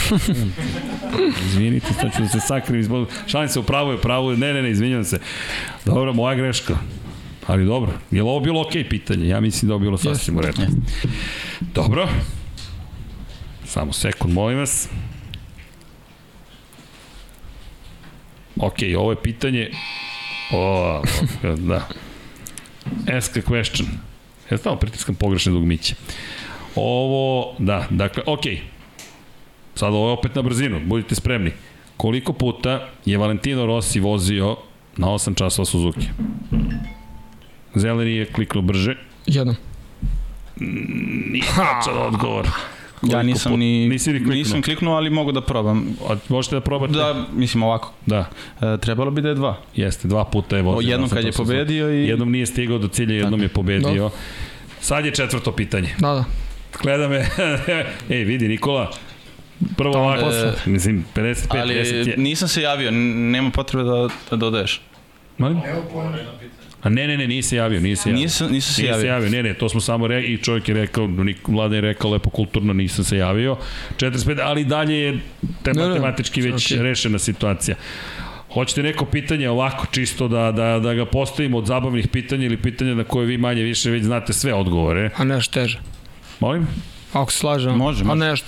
Nešto teže. Ali što nije specijalno spremljeno za, za ovo. Za finale. Znači, A nešto, a, nešto iz one kategorije što je teško, ali da nije specijalno, da, A- da ne gubimo od finale i za treće mesto. Tako. Aha, okej, okay. kao na primjer kad neki otkriju moje pitanje zato što ga naslute, na, naslute ga na keca, na primjer, ali da, ne, šalim se, to je baš bilo dobro.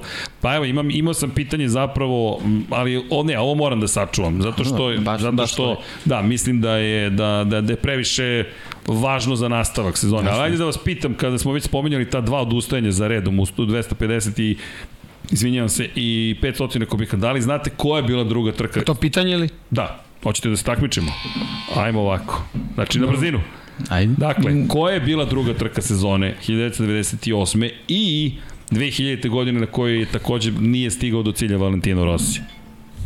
Zeleni? A, prva je Suzuka, a, a druga... Um, U to vreme su se smenjivale, da znaš, prva, druga, prva, druga. čudna malo država. A, Jeste, jeste.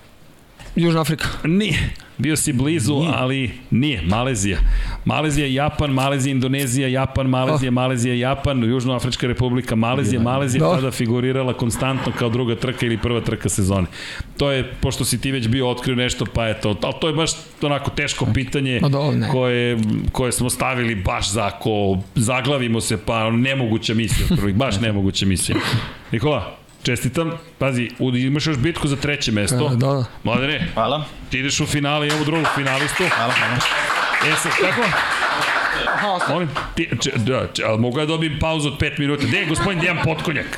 Nesto mi je gospodin Potkonjak. To bi bilo dobro da neko malo ovde sad nešto priča sa nama. Ali dobro, pošto za mene nema očigledno pauze. Svi su otišli odavde, ali ja ću ipak zamoliti, mogu da dobijem malo, imam vode, ne, mogu da dobijem nešto, ne znam ni ja, šalim se, može kafa jedna za me, može, molim vas, malo, ste dobro? Da pojedem, ne, neću da pojedem ništa. Nema jela dok se... To mi je čuveno pravilo. Nema hrane. U, čekaj, Vanja, da sklonim nešto. Odavde sa stola, što je ostalo i pre početka prenosa. to ćemo da stavimo ovako. To tako izgleda u produkciji. Ode ispod stola i to je završena diskusija. Dobro, dakle, u velikom finalu su Stefan i Mladen. Za treće mesto nismo napravili žreb, ali zato imamo Dimitrija i Nikolu koji će se boriti za treću poziciju. Nismo samo napravili grafiku, ne brinite, devojke. Sve je okej. Okay. Tako da, sedite gospodo, pa ćemo da krenemo polako, pošto za mene očigledno pauze nema. Ili, ili imamo vremena još? Kako stojimo sa vremenom? Imamo vremena, dobro. Dobro. Imamo... Ah.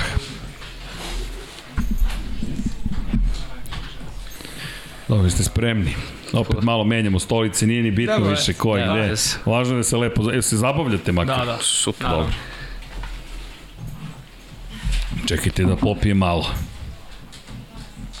Okej. Kako? Dobro. Pol pozicija. Ko je bio? Čekaj, ko je... Šta šta? Da napraviš. Dakle, Vanja traži da ja sad malo pričam nešto, to mi zapravo nikad nije ni tako velik problem. A, e, kako se stvarno dopada studiju? Pa, Jeste vi prvi put ovde? Da. Da.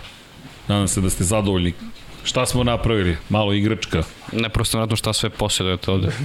ne, ozbiljno. Hvala. Sve ima. Vidi, to su godine, a istovremeno to Da. ste vi. Da, znaš koliko ljudi nam je donelo poklone, gledalaca, koliko je došlo i reklo, ej ljudi, evo vam dres, evo vam kaciga, evo vam nešto drugo, evo vam nešto treće, malo da otvorimo kacigu da diše, čisto da vidite. Evo ga i pogled na Sad ne znam šta smo dobili. A, ulazi kafa u, u, u kadar, pa su sakrili sada to iza grafike, čisto da vam otkrijemo kako to izgleda.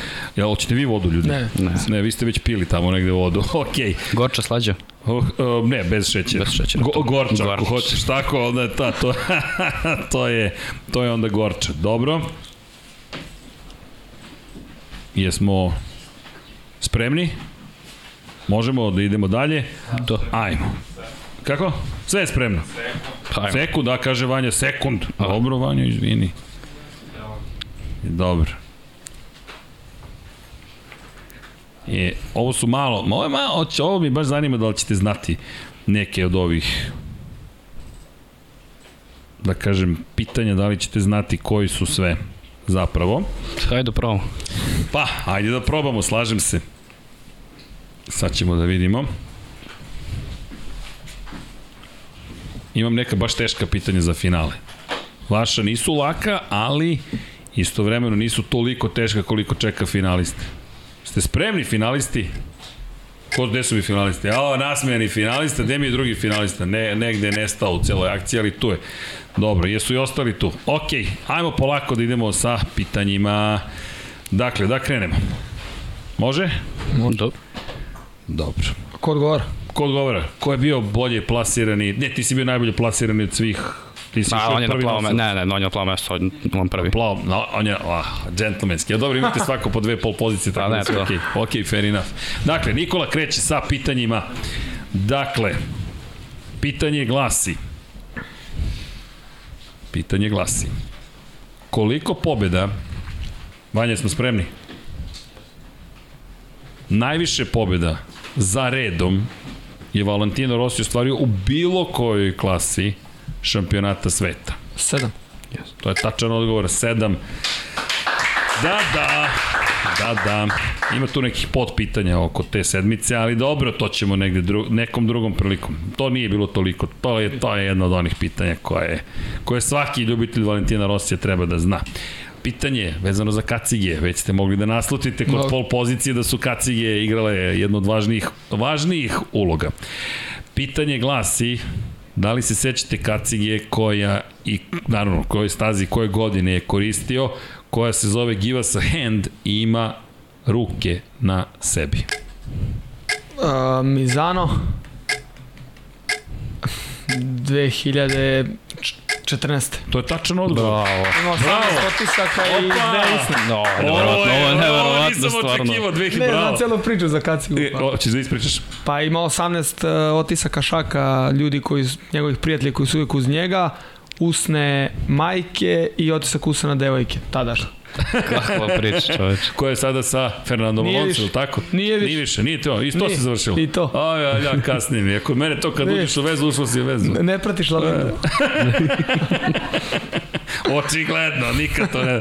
Dobro, ali Alonso ima L plan, tako da čestitam, ok, ovo je baš iskorišćena pol pozicija svaka Wow. čast. Ovo je bilo, moram ti priznati, ste mu oči, "E, još mi zano, jer kao ne smem da pomažem, 2000, da će da pogodi 2014. Svaka čast. Ne pričaj, za svaka O, čast. Ne, ali stvarno, ovo je, ovo je jedna od onih situacija, kažeš, ok, svaka čast. Idemo dalje. Dakle, ovo je pitanje pol pozicija.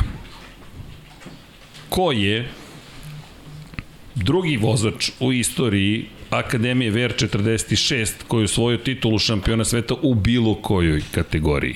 Francesco Banjaje. To nije čak ni vreme počelo da teče. Francesco Banjaje, to je tačan odgovor. Nije ovo toliko teško, ali može da bude jedna od onih situacija gde kažeš mm, desilo se. I sad naravno idemo na kacige.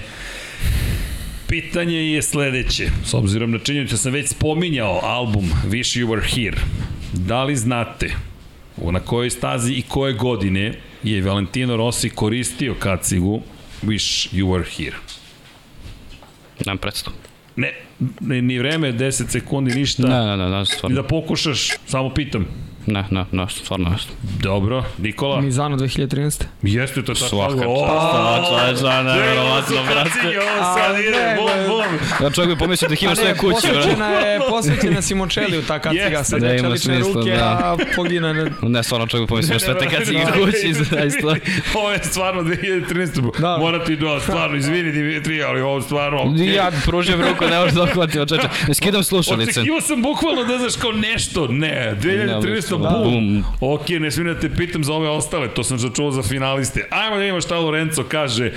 Ok, ovo je bilo, izvini, ali stvarno čast, ne, ja- impresivno. skidam slušalice, skidam ne mogu slušalice, reći, stvarno. Šok. Uh, ekipa VR46 nastupa u kojim klasama svetskog šampionata 22. Uh, u Moto Grand Prix i u Moto 2. To je tačan odgovor, jeste. To je tačan odgovor.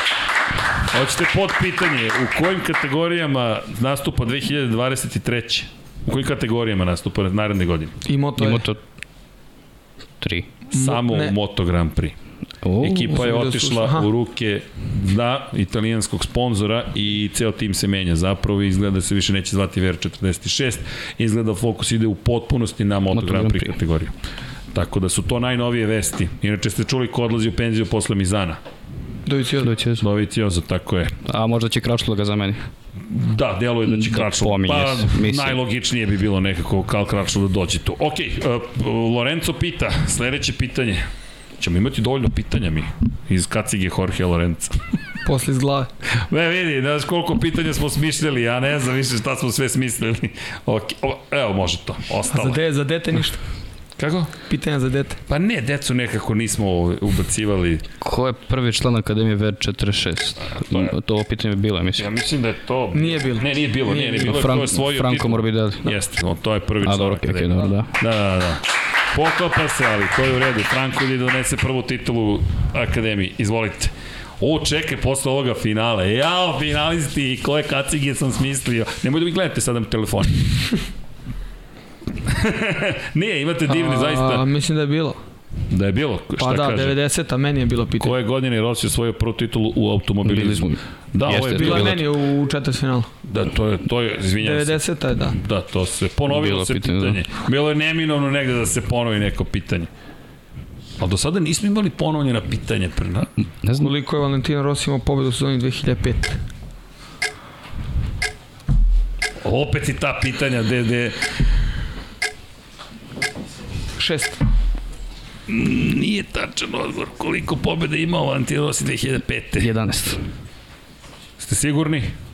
Naravno da je 11, nego samo se šalim. 11 pobjede po tome je Ok, poznata mislim da je, da je rekord 2003. Znaš da je 11, Ne, znam mislim ne, da je treća. Je- Te sezone, zanimljivo, Ok. Rossi je, izvini, osvajao titule, čisto da znate, ovo mi je fascinantno, samo sa 11 ili 9 pobjeda u sezoni u Moto Grand Prix. E, Dakle, E, Srki? I ne, izvini, Sa šest? sa šest je pobedio 2009. 2009. Tako je, 2009. To je jedina sezona kako izuzetak Da. od toga. 11 je imao 2002. 9 je imao 2003. 9 je imao 2004. 11 2005. 2008 je 9 imao i 6 imao 2009. 2015. je bila Mislim da je izuzetak. Darko isto dodao tamo 6. Evo, Darko je to znao. E, jel utiče kad sednete za sto, pa pa neke stvari se pozaboravljaju ili ne? E pa ne znam, do, do, do sad je bilo, ono, u, u prvoj rundi je bilo tu i tamo, drugo Sad i... je već drugo, lagano. sad je laganica od treće mesto, šta? ne, ovo, ovo je sad baš onako Kad podcast. Ovo je, izgubiš prvi meč ovaj. ne, ovo je sad- ovo je sad baš podcast, to, to.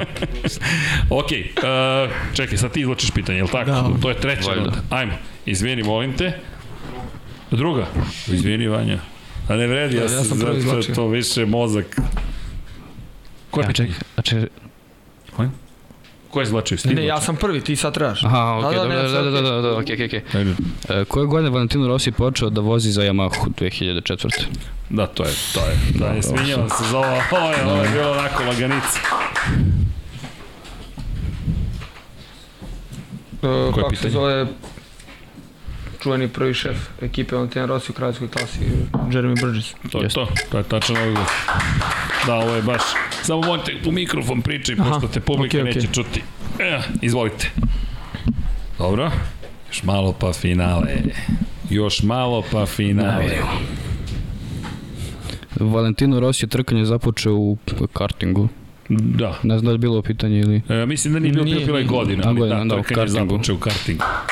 Dobro, sad neko izvučite ova pitanja koje su malo stane. Ajmo, je li ovo sada, je li ovo bila treća runda? Sad je četvrta. Da. Okej, a izvini.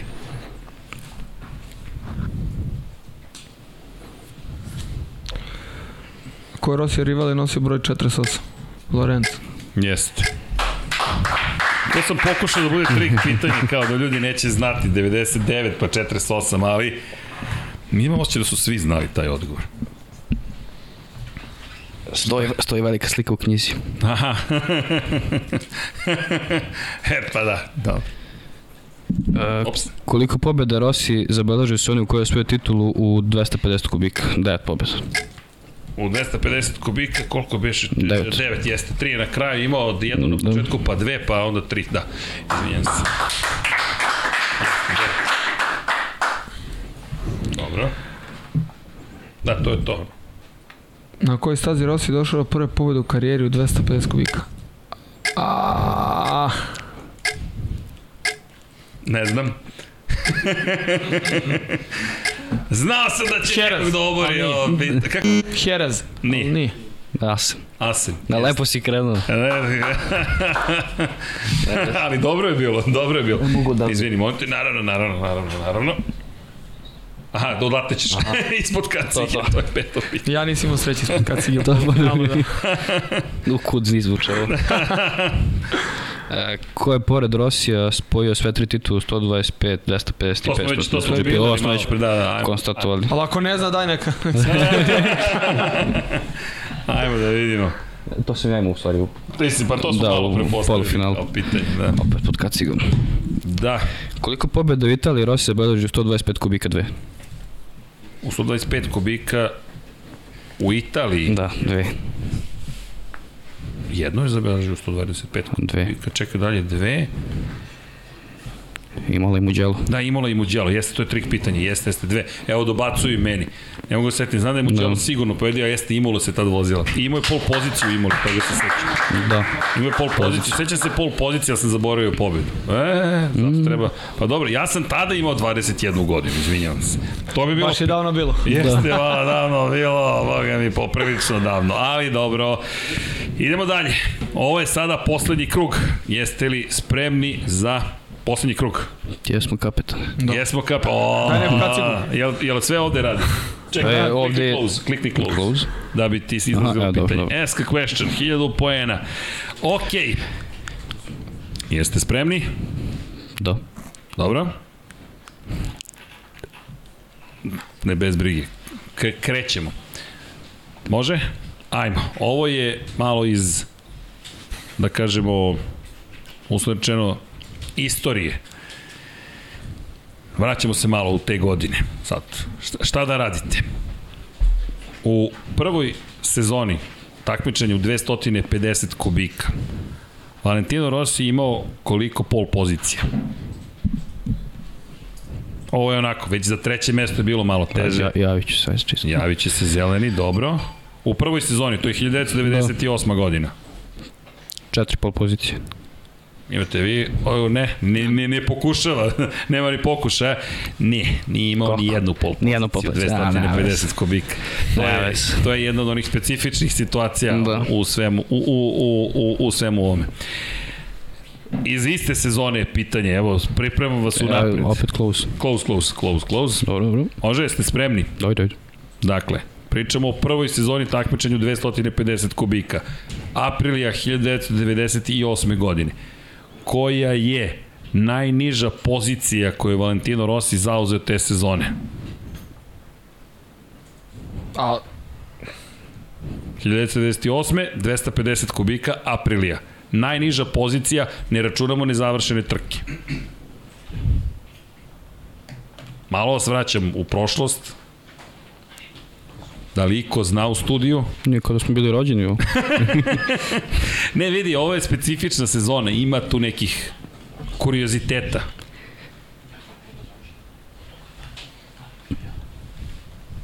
Niko ne pokušava čak, ok. Odmah ću vam reći, najniža pozicija koju je Valentino Rossi zauzeo u debitanskoj sezoni u 250 kubika je, peta. čisto ovako, Pet. nije, imaš ovako neki pokušaj, to je vaš Sedma. Treći. nikada nije bio plasiran van pobedničkog postolja. Problem leži u tome što nije završio čak A da. pet trka. Trka, da. Ali, imao je zapravo jedan plasman na treće mesto, pet pobjeda i tri plasmana na drugu poziciju. Samo što nije završavao od previše. Ne, pa znam da nije bio zadnji, pošto je prvi put u karijeri bio zadnji tipa 2008. Tako ili je. 9. ne, ne, 10. Ne znam ja tačno ko je, Tako ali nešto nešto, tako. kad je dobio tako. kaznu. Ne, ne, zato je ova sezona specifična, jer je završio svaku trku na pobedničkom Da. postolju koji je završio. Ako vam zvuči poznato, Enea Bastianini slično vozi. Što znači da. da postoji nada za Enea Da. Bastianini, ali vidjet ćemo. Problem je samo što je to Rossi radio u prvoj sezoni i više se to nije ponavljalo. Dobro, dakle, niko nije odgovorio na ovo pitanje. Idemo dalje sa pitanjima. Malo smo se vratili u neku prošlost. Ja se nadam da, da vam to ne smeta. E sad, hoćemo malo da odemo u Moto Grand Prix godine. Evo da vam Ne najavim. loše. Honda je u pitanju. Moto Grand Prix. Postavljam pitanje. Koliko plasmana uzastopnih na pobedničko postolje na početku sezone 2002. je imao Valentino Rossi? 2002. prva godina u Moto Grand Prix.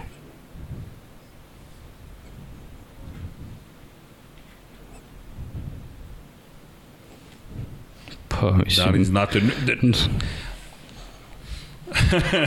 E, to rizik je, vidi, ovo da. Da. sad vidi, niko neće. Ma, Nisi ajde, na šta? treće pitanje, ne, Ajde. ne, vidi kako god. Ne, javio sam, javio sam. Ok, koliko? Šest. Nije na tvoj žalost Ne, tačan odgovor, ali Mislio sam da će se vrati ova Češka iz prvog kruga. a, pa, pa zapravo blizu si. Češka je bila prva trka koju nije A završio. ne, nego će meni se vrati ono da, da pogodi. Zapravo prvih devet trka je završio na pobedničkom postolju. Imao je osam pobjeda i jedno drugo mesto. Da. Ovo su malo teža pitanja, ne zamerite, ali bio plan za treću Da. poziciju, ipak malo da se malo da bude... Zaoštre situacije. Pa malo da se zaoštre situacija, da To, malo to. tu ipak bude bitaka i da kažemo ok. O, I imamo još jedno pitanje, je li tako? Četvrto. Da. E sam dobro, nisam pogrešio. E, ovo, je revel, ajmo neko teško. Ajmo Revi, baš teško. će. Pa, neko teško. Dakle, super teško Pa, pitanje. neko da probamo što. Neko Ok, imam jedno super teško pitanje. Da li znate... Zabavljamo publiku. Da, da, evo, ovo je U, u zapravo... stilu Rossi.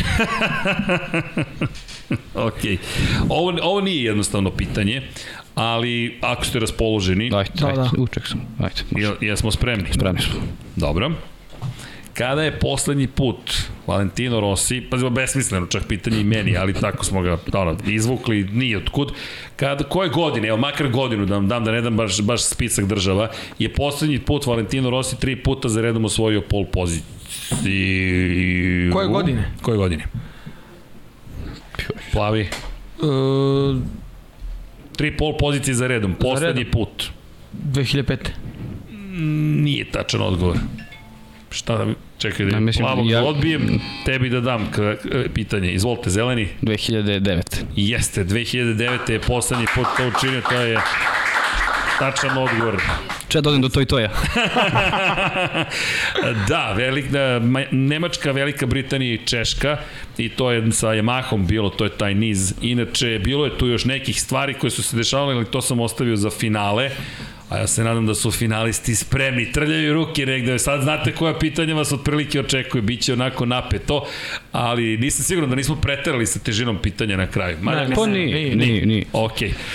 Ljudi, šta da vam kažem? Hvala još jednom Da. što ste došli. Hvala na učešću. Čestitam Nikola. Ja sam imam rezultat na kraju 35. 30. Da. Da, podijum. Podijum. Podijum. Čestitam. Dimitrije, svaka čast. I za online kviz i za prolazak do polufinala, stvarno svaka čast. I za znanje vaše, ljudi, impresivno je šta znate. Ovo sa kacigama moram priznati da me malo... No, no, nevratno. Spuki. Ja, ja i dalje verujem da on u svom podrumu čuva sve te kacige. Na neki način sigurno. Znaš, po policama, Po policama stoje, da. Samo ih donesi da ih potpiše. To, to. Mislim, ovde ćemo ih Rosiju da ih potpiše. Da. Tu A ako sme se uključava ta soba. Niko tamo ne Niko ulazi. tamo ne nikad. ulazi Ni on ni više to, ne ulazi tamo. Samo onako kamera je upaljena, evo Da. posmatra i to je to.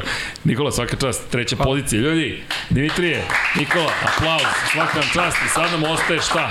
Veliko finale, da vidimo kome ide kaciga u ruke. Ljudi, svaka čast. Dakle, Stefan i Mladen se bore za kacigu. Gospodo, izvolite, Mladene, ti si dalje nosilac broj 2. Stefane, samim tim, tvoja je zelena stolica. Pa da vidimo kako će ovo da izgleda. Opa! Sad puštaj dramatičnu muziku, Vanja, kada krene ovde drama. Ok, čuli ste otprilike šta, gde, ko, kako, kada i tako dalje. Kome, šta, kako? Da li ste spremni za veliko finale? Uvek. Dobro. Ajde, baš ću da vidim da li sve ove odgovore znate koje smo pripremili za vas. Vanja, jesmo spremni? Što bi rekao Max Verstappen, ti navijaš za Verstappen? Ne, ko je rekao Verstappen? Ti, full send. Idemo, do kraja, maksimalno. E, nije, nije maraton sprint, pošto sam ja za Hamiltona. A, da, čekaj, imamo ovde Hamiltonovca, okej. Okay. Dakle, to posle duel možemo Formula 1 da Može, organizujemo. može, nije. Dobro, ti imaš dve pol pozicije, ti Stefan imaš dve pol pozicije, mladene, krećemo od tebe. Dakle, ajmo da se pripremimo za ovo za ovo veliko finale, što bi se reklo. Čuli ste neka od pitanja koje smo postavljali u ovoj završnici, pa da vidimo da li smo spremni, samo ja da proverim. Ovde je sve spremno. Još jednom, kontrola pitanja da ne bude ovde nekih grešaka. Dobro. Ja mislim da žapuću nešto, ne znam da li se čuje. Ok, jeste spremni? Jesmo. Spremni?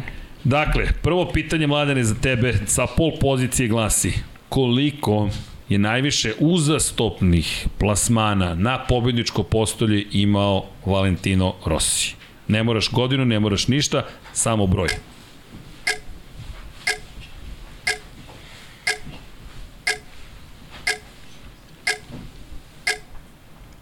22. Blizu, ali nije tačan odgovor. 23. Jeste 23. Možda sam ti nesvesno pomogao, ja se izvinjavam ukoliko sam to učinio. A, da li želite da ponovim pitanje? Ne, Pošto ne, je finale za kacigu, nemam problem nikakav s time gledam. svakako sam znao da je 23. Jesi znao? Da. Dobro. Znaš ko je šta ti je nedostajalo kod 22? E, nisam siguran. Znam koji je period, ali 2003. na 2004. Tako je, 2002. je imao šest pozicija za redom na pobedničkom postolju, tri pobede, tri druga mesta, celu sezonu 2003. Ukupno 16 svih trka je završio na pobedničkom postolju Brno. i Kako? Je li u Brno pukla guma? Uh, ne, ne, ne, ne, ne, ne, ne, ne. ne, nije, nije, nije, u Španiji je bio četvrti. Aha. 2004. to je ona čuvena priča kada prosto nije, nije, nisu stvari funkcionisale. Ok, To, to su oni zaređeni četiri, nekoliko četiri mesta sa, tako je. pa onda ide nešto, nešto u Muđelu se desilo. Tak, da, okej, okay. to, to, to su neke stvari koje se pamte definitivno. Inače, tu kacigu sam planski izbegao, čisto da znaš, pošto znaš šta je bilo na kacigi. Da, Da, da, da. dr- drvena medalja. Da, svi znaju šta je bilo na kacigi te osme. Čovjek zvani kaciga, zna sve kacigi Valentina Rosija ikada. Ali ide pitanje baš o kacigi, da li ste spremni. Ovo su, ovo su pitanja za finala, tako da sam pokušao malo da, da bude ipak malkice, malkice malo, ma, malo ipak teže. Dakle, moje pitanje jeste sledeće. Kaciga je očigledno. Jasno. Molim te. da, nisam nijedno ovo kacigu vam pogodio do sad, tako da ajde da prekinem. zaista. Zaista. Nijednu nisi pogodio. Da. Dobro, ovo će da bude zanimljivo onda izazov da vidimo da li, da li znaš neki od ovih. Dakle, koje godine, čak te ne pitam ni za stazu, ali postoji razlog, je Valentino Rossi nosio kacigu Vuli Het. Voli het. Tako je. Vulina kapa, da budem precizniji. 17. 2017. Nije ta tačan A to odgovor. je na testiranjima nosio. Jeste, samo koje godine? 2006. Ne, 2015. je tačan odgovor. To je bilo malo teže pitanje da ipak bude van onoga na što su svi navikli zapravo, a to jeste zapravo. Jesi znao to pitanje? Voli het nisi znao, znao sam da imam jednu makar kacigu iz rukava za finale. Imam dve, ne brini, pošto moram da imam za, za obojcu finalista. Dakle, trenutno je 0-5. Stefane, imaš blagu prednost, ali sada idu tvoje pol pozicije, pa ajde da vidimo da li ćeš biti spreman za ovo. Dakle, Spreman? Spreman. Ok. Samo ja ne promašim pitanje koje sam imao spremno u celoj ovoj priči. Samo sekund, molim te. Dakle, a, sad sam ja pobrkao gde su mi pitanja. Izvini. Tenzija raste. Tenzija, naravno da tenzija. I kod vojitelja. da, i kod mene raste, ja nikad nisam vodio kviz, ljudi, ovo je meni zaista fascinantna situacija, da u suštini da, da, da, da, da, da vodim kviz, ali okej. Okej, ovo je pitanje da, da, da, da, da ajde, neću da pravim najvo, pošto nije, nije, nije poslednji krug. Dakle, koja je prva trka 2000, 2001. godine u šampionskoj sezoni od 500 kubika i jedina koju Valentino Rossi nije završio. Muđelo. Muđelo. Kažite koleginice, nešto ste dobacivali tamo. Šta je bilo? to si znao. Da, da, da. Pritisak. Da, da, kući. da, okej. Da, I Havaji. Da. I Havaji, da, so, da, zapravo, glup sam. Ne, nije trebalo da stavim ovo kada od težih pitanja, vi ćete svi znati za Havaji. Dobro, ali imamo zato drugu kacigu, a kaciga je kada je Valentino Rossi, koje godine, nosio kacigu Kendo. Mislim da Ne Nikola znam ni zna. ko je to kad si. To je iz testiranja kaciga, ali koje godine? 2011. Nije. Mm, da nije možda mm, 99. Ne, neverovatno bio si blizu 2012. Znao godine da je Ducati, koristio da. Kendo, tako da. je. Bio je Ducati i to je Kendo kaciga čuvena. Između ostalog nosio je mač 2006. na 2007. Excalibur je nosio kao kacigu na testiranjima. Testiranje, Tada da vadi sprem- mač. Tako je, da vadi mač, a Kendo je bio 2012. u opticaju. Ok, 0-10, sad kreće Lorenzo. Ja ne znam, imamo mi još pitanja ovde kod koja... O, pitanja koliko god hoćete. Gospod, još samo da se dohvati. Izvolite. Dobro, 0-10. Ja sam se oznojio, ne znam kako je vama dvojici. Ladni kao špricer. ok. E, koliko sezona je Valentino Rossi e, vozio Yamahine motocikle u MotoGP klasi? Koliko sezona? E, trebalo bi da je 16. Ajmo da proverimo koliko sezona. 22 minus 4 minus 2 bi trebalo. Sad ćemo da vidimo šta kaže ovde. Kaže Yamaha, izvinjam se samo da ne bude da pogrešim kod ovakvih stvari. Koliko sezona je... Ja, ja, ja mislim da znam, ali sam rekao neću da... da 16 sezona. Tačan odgovor. 5 poena. Dobro, mladene. To se vraća u igru. Na, na tabeli smo, konačno. Da, da, da. da. Za svaki slučaj, ljudi, kod ovog finala ne želim da pogrešim. Jesi znao za Kendo, Nikola? Kako se zove mama Valentina Rosija? Ah, Imao sam i tatu, evo i mama Stefanija. ovo, su- ovo, je, svo- ovo je Lorenzo progovorio. To je to, okay. znam. Ti ne navijaš za Lorenzo, tako? Ne. Tako da, da. Ajmo da vidimo dalje. Ali dobro, 5-15 nije to toliko strašno. Mada ulazimo polako u veliko finale. Ko se tek pridružio kvizi i dalje u toku i ovo je finale za ovu kacigu ovde. Da. E, u kojim kategorijama je Valentino Rossi vozio za Hondu? Jeste bila kraljevska klasa, ali bila je 500 i GP. To je to, 10 poena sada imaš nasuprot 15, ajde da vidimo šta kaže Jorge Lorenzo, ovo je sada drugi krug. Otvorio si drugi krug, pa da vidimo od 5. Koliko pobjeda je Rossi imao u prvoj sezoni takmičenja u 125 kubika? Jednu. Jednu pobedu, to je tačan odgovor. Na trenutak sam pomislio, čekaj, kad si se zamislio, rekao, Ne, okej. razmišljam da li je bilo pitanje, ali ne je bilo nešto slično. Bilo je slično, ali nije bilo ovo pitanje. E, koje sve modele motocikla je Rossi koristio u 125? E, Aprilia e, RS125R. E, Da, između ostalog R, to je to korišćen R125, ali to smo pričali, toliko je modela bilo da je R125 ili 250 tačan odgovor. 15, 20. Opa, Nema više pitanja. nema više pitanja, čekaj, ima, ima, ima. Ima, tu nego treba ih dohvatiti. Treba, to ćemo da podižemo kad si. Aha. Mislim da će to biti lakše. Ko je rival s kojim je imao kontakt u čak tri trke 2015. Dobro?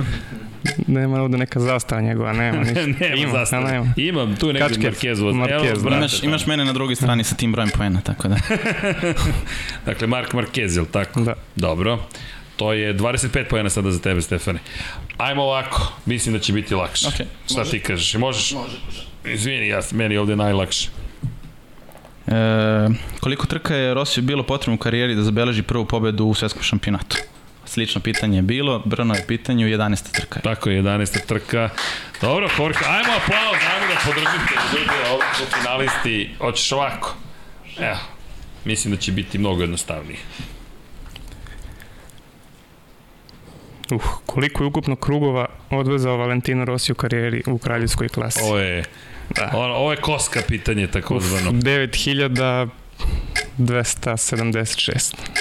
Da li ti znaš odgovor čisto? E, p- recimo da je 8766. To je tačan odgovor zapravo, nevjerovatno ali tačan odgovor. Ja sam našao taj podatak za 2018. da je tad u tom trenutku vozio oko 8700. A je li pitanje bilo u kraljevskoj klasi? Kraljevsko? Aha, e, onda, da. Okay. Zato što Kraljevskoj je Onda se oduzima, da, da. odvezo je nekih 700-800 krugova Da, u ove dve, tako da. Da, kralje, ne, kraljevska, kraljevska kategorija. Da, da. U Aj, tom ćemo trenutku, u da. tom trenutku 2018. je Ukupno. ukupno Da, odvezo Da, toliko u, u krugova. svim kategorijama, ali ovo je kraljevska kategorija. Kraljevskoj klasi onda dodaje, ovde se oduzme tako da dođe. Da, da. Sad sam se preznojio. Ne, ne, pa zato baš... Obio me hladan znoj. Ali sad je 20-25. I koja je ovo bila runda? Treća ili Četvrta. četvrta? Četvrta. Dru- Što druga?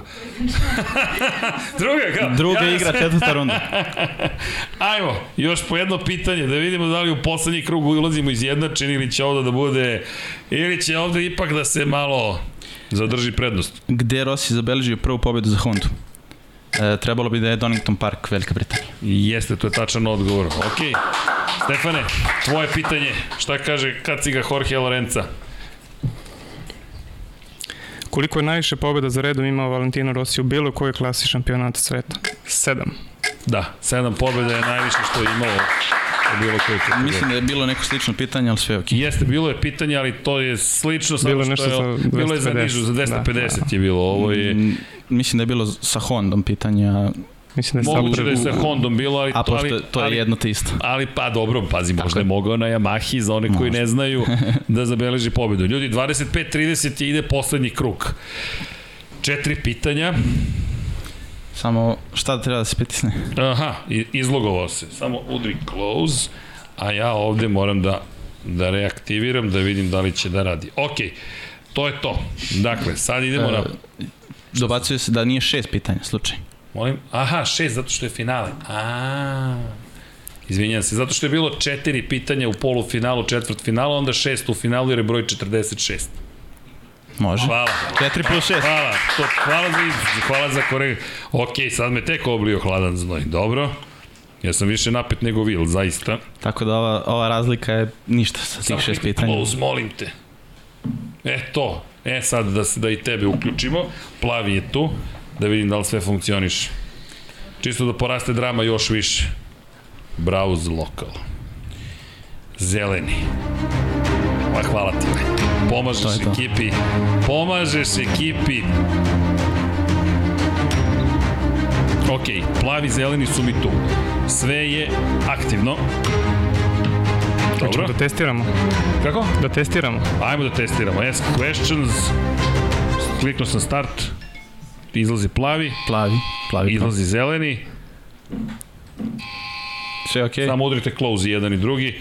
Dobro, istestirali smo. Toga- Ovo je dobro i da ovo je dobro bilo razmišljanje. Ajmo mi da testiramo pa da vidimo šta će da se desi. Dobro. Ok. Idemo sada dalje. Da li ste spremni?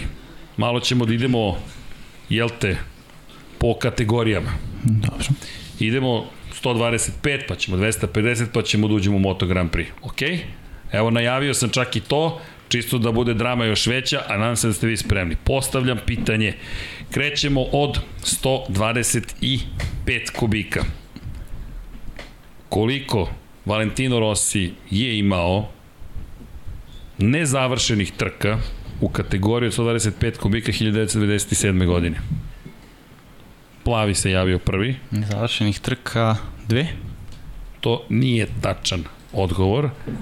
Zeleni, jeste vi kliknuli? Ne. Niste. Jedna nezavršena trka, samo velika nagrada Japana. Ovo su malo onako, Da, da, Malo- Malo... nisam bio siguran da li je jedna ili dve. samo jedna trka je bila u pitanju te cele sezone, ali ima tu još jedno pitanje. Trik pitanje koje se nadovezuje opet na ovo, to je sada, pošto imamo šest pitanja, opet 125 kubika, jeste spremni? Da. Da. Dakle, u toj istoj sezoni, 1997. godine, u ukupno 15 trka u kojima je Valentino Rossi 11 puta pobedio. Koliko ukupno puta nije bio na pobedničkom postolju? Plavi se javio. Dva puta. To je tačan odgovor. Dva puta nije bio na pobedničkom To je, postolju. to je ta, to je ta, To je ta druga, jeste. Australija gde je bio Jeste, šesti jeste. na kraju sezone i nije završio trku u Japanu. Ok, 30-30, ok, ovo je sad baš drama. Prelazimo na 200, izvini za pogrešan zvuk. Prelazimo na 250, izvinjavam se za taj zvuk, meni to nekako x kao da zatvaram prozor, a zapravo x kao da je dao pogrešan odgovor. Ali nema veze. Važno je da je 30-30. Imamo još četiri pitanja do kraja. Dva su 250, dva su Moto Grand Prix. Ok, pokrivamo karijeru. Ipak mora da se zna o Valentinu Rosiju. Krećemo sa 250-icama. Prvo pitanje. Dobro. Sve smo namestili. Ste spremni? Da. Ok. Sigurno ste spremni. Da, da. Ok. Upaljena zelena svetla. ok. Valentino Rossi u prvoj sezoni takmičenja u 250 kubika je posle dva odustajanja u prvoj sezoni zabeležio koliko plasmana na pobedničko uzastopnih postolje u narednim trkama.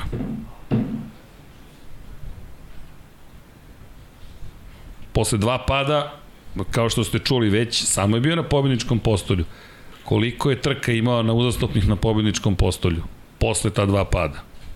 Ako malo je teže pitanje, ali ipak je finale za kacigu Valentina Rosija. Niko neće da odgovori. I to je u redu, ne morate da odgovorite. Hoćete, otkazujem pitanje, pošto je finale, hoćemo da idemo da šest odgovorenih pitanja, ili ćete da se smanji, poveća drama. Šalim se, šalim se, povećamo dramu. Još tri pitanja ostaju, nemojte da brinete. Odgovor inače tri. U Španiji, Italiji i Francuskoj je tri puta za redom bio na poziciji broj 2. Opet njegova sezona, Tak- njegov deo sezona. Tako je njegov deo sezone upravo u tom momentu krenuo. Idemo dalje. Imamo ponovo kategoriju 250 kubika. Ponovit ću, debitanska sezona, 1998. aprilija. Koliko uzastopnih pobeda je Valentino Rossi imao na kraju te sezone?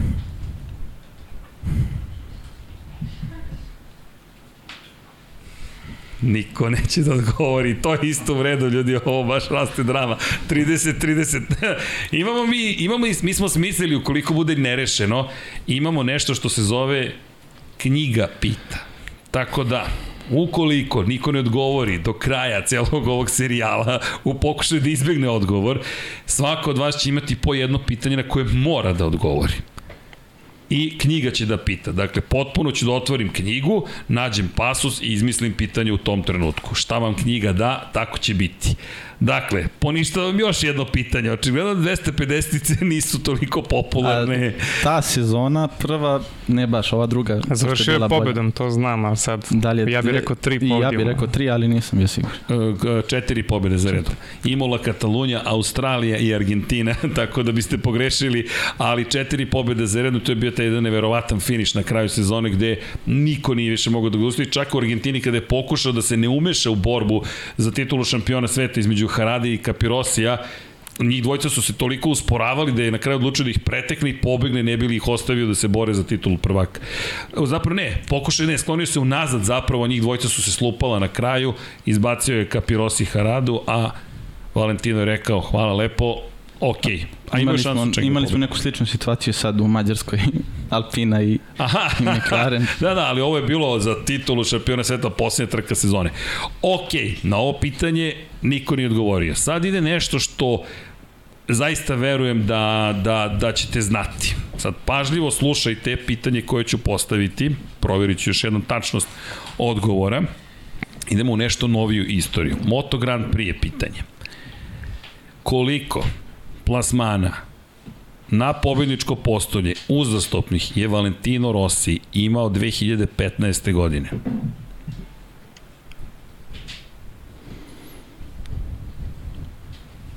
Sedam. Nije tačan odgovor. Dakle, sad ulazimo baš u dramu. Sad na sledeće pitanje moraš da pokušaš da odgovoriš da bi eventualno pobedio. Ti nisi ni pokušao da odgovoriš na ovo pitanje, Ne, jel ne tako? smem, ne smem da rizikujem. Ne usuđuješ se, ok. 12 trka za redom. Rekao bih 10, ali ne. 12 Dobro. trka, Katar pobeda, treći u Americi, Mizano, pobeda u? Argentini, tako je, treći u Španiji, drugi u Francuskoj, treći u Italiji, drugi u Katalunji, prvi u Holandiji, treći u Nemačkoj, treći u Indianapolisu, treći u Češkoj, prvi u Velikoj Britaniji, dolazi 13. trka sezoni, tu završava na petoj poziciji po čuvenoj kiši. To je to, dami i gospodo, ovo je poslednje pitanje u kvizu i Vidjet ćemo da li ćemo imati nerešen rezultat nekim čudom ili će pobjeda ići u ruke nekog od vas dvojice. Dakle, za sve ili ništa, jedno jedino pitanje, ovo nisam očekivao, ali smo tu gde jesmo. Dakle, imamo pitanje za vas. Nemojte ništa da brinete, malo sad ja povećavam dramu. Nemojte da mi zamerite. Nadovezuje se zapravo na pitanje koje ste upravo čuli. Dakle, skrećem vam pažnju čisto da... Pusti, pusti dramu, pusti dramu, Vanja. Pusti dramu, pusti dramu, Vanja, ne mi prekidaš. Dakle, rekli smo 12 plasmana uzastopnih na pobedničko postolje imao te sezone. Međutim, to nije početak niza. Koliko je pob za plasmana na pobedničko postolje u tom momentu pre Mizana Valentino Rossi imao na svojoj Yamahi. Nadovezuje se i na 2014. godinu. Znači, zajedno, znači ne pre Tako nego je. zajedno sa tim. Ukupno sa tih koliko smo imali. Plavi će da pokuša Pa, moram. za sve ili ništa. Pa napravim dramu. Za ovu kacigu Mladen odgovara koliko uzastopnih plasmana na pobjedičko postolje je imao računajući i prethodnu sezonu Valentino Rossi 2014-2015 do velike nagrade San Marino i Riminija. 16. To je tačan odgovor. Neverovatno. To je tačan odgovor, kaciga je tvoja, čestitam.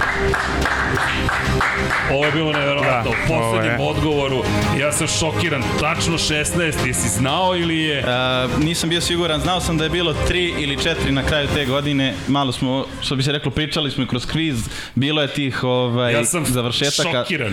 Tako Iskreno. Da. Ja čestitam. Ja, ja bio sam siguran da ovo niko neće znati. Da se zna četiri plasmana na pobjedičko postavi. Žao mi je. Ne mogu da, da sad veli, slavim ništa i da kažem, ali ajmo da ispoštujemo pobjednika. Naravno. Da se slažeš. Čestitam. Hvala puno. Ovo je kao Nikola, ovo je baš bio Valentino Rossi 2009. u Barceloni. Ej, kaciga više ne pripada nama. Ovo je sada tvoja kaciga. Nosi je u zdravlju, Hoću. uživo i vozi je. Lakiraj potpis na glavu i ponosno kaže ja sam pobednik kviza Valentino Rossi. Ljudi, ja sam ovo dobio na znanje. U, u rukama je potpis, tako da to U je... rukama to je, Stefane. Čestitam. svaka čast protivniku. Zaista mi je, ne mogu kažem, žao mi je što nemam još jednu bukvalno da ti dam, ali ovo, o, ja sam frapiran zapravo i čestitam. Hvala žen. Ljudi, ajmo još jedan aplauz za obojicu. Ali za obojicu, zaista. Wow. Tačan odgovor za kraj. O, I dao sam ti, e, okej, čisto da potpunimo cijel događaj. Ljudi, ajmo da se fotografišemo, Ajde. nećemo još da se odjavimo, ali hoćemo da uovikovečimo ovo, ajmo ljudi da se svi fotnemo, svi koji ste ovde, ajde ovamo, kadar, daj četvorku Vanja, dođi i ti ovamo da se čuje graje, ljudi, svi koji ste tu, udrite like, share, subscribe, ne znam ni ja, join, pazite da ne padnete na kablu, lako ćemo za opremu, samo nemoj da mi se povredite. Znaš kako, bilo je, bilo je ko će da, Wow. ko će da, ko će da proba. U 99 minut. Ovo je, pazi, bio sam siguran da ovo neće. Španiju da je Valenciju završio, da je pobedio jednu od posljednjih Bravo. Samo da spustimo stolicu, izvini, molim. Da, da, da se javim svaka čast. Ovo je pitanje, bio sam siguran, nema šanse. Misliš da će mi kacige doći glave, ali... Ne, ti si pobednik, ti ideš u sredinu. Ideš u sredinu, ti si ovde sa kacigom. to je na podiju. Da, da, da, vas trojice. Čekaj, čekaj, šta ko je treći? Ko je treći? Ajde, treći, dođi, dođi vam, ti u sredinu, to pobedničko postavi. Gde je šampanjac, ljudi? Ovo su glavni ljudi. Važi. Stanite, stanite tamo svi. U ka... A, Ovo je e, kadar za, za da pamtimo svi. Dakle, tu su i, tu je pomoć, dakle, mada nisu imali fair pomoć, moram da vam priznam, ali to je okej. Ajmo, ja nisam ni u kadu, samo moj stomak. Ptičica, jel? Ptičica. Rossi. Okej, mladene. Bravo. To je tvoja kaciga. Ljudi, ja ću da se odjavim odavde uz ove kadrove. Vanja, ako se slažeš polako da završavamo, šta da vam kažem, Patreon i hvala vam. Da ne čitam sad imena svih Patreona, mislim da će svi, ili hoćete da čitam, jeste nekad gledali uživo kad čitam. Vanja odmahuje, nemoj da čitaš. Ima u knjizi. Ima u knjizi. Ne, šalu na stranu, prvo da se zahvalim svima koji nas pratite. Dakle, hvala vam za sve. Nadam se da ste uživali. Ne zamerite što smo se malo snalazili, ali mi učimo prvi kviz koji smo, uh, ok, evo sešću Vanja. Vanja je u fazonu. Dobro, nisam poginuo kao Jimmy. dakle, ljudi, hvala. Meni je bilo mnogo uzbuljivo, ne znam vama kako je, koliko je trajalo? 3 sata, wow, okay. dobro. I nadam se da, da, da ste zadovoljni što ste videli. Trudit ćemo se da ovih stvari bude još, pogotovo kvizova znanja, što se tiče nagrada, poklona, potrudit ćemo se, ne znam šta da kažem drugo. Ovo je redkost, inače hvala svima koji su nam pomogli da uopšte dođemo i do kaciga i naravno do potpisa. Zaista su se svi potrudili, još jednom Mladenu, svaka čast Stefanu, svaka čast Nikoli, svaka čast, to su uh, ljudi koji su se plasirali na pobedničko postolje. Eto, videli ste u poslednjoj krivini sa 16 uzastopnih pobedničkih postolja dođe čovek do kacige. Svaka čast još jednom i ja vas pozdravljam i cijeli ekip Infinity Lighthouse, budite dobri, volite se, mazite se, pazite se, uradite nešto dobro danas. Ne znam šta, šta je to, a ako ništa drugo, bar pročitajte neku knjigu pa se lepo od, školujte dodatno. A mi ćemo sada da idemo da pijemo vodu, naravno, i da povidimo da li je Paja negde u nekoj biblioteci u blizini ili nije. U svakom slučaju, pozdrav ime cijele ekipe i naravno budite dobri, vodite račune drugima i ćao svima!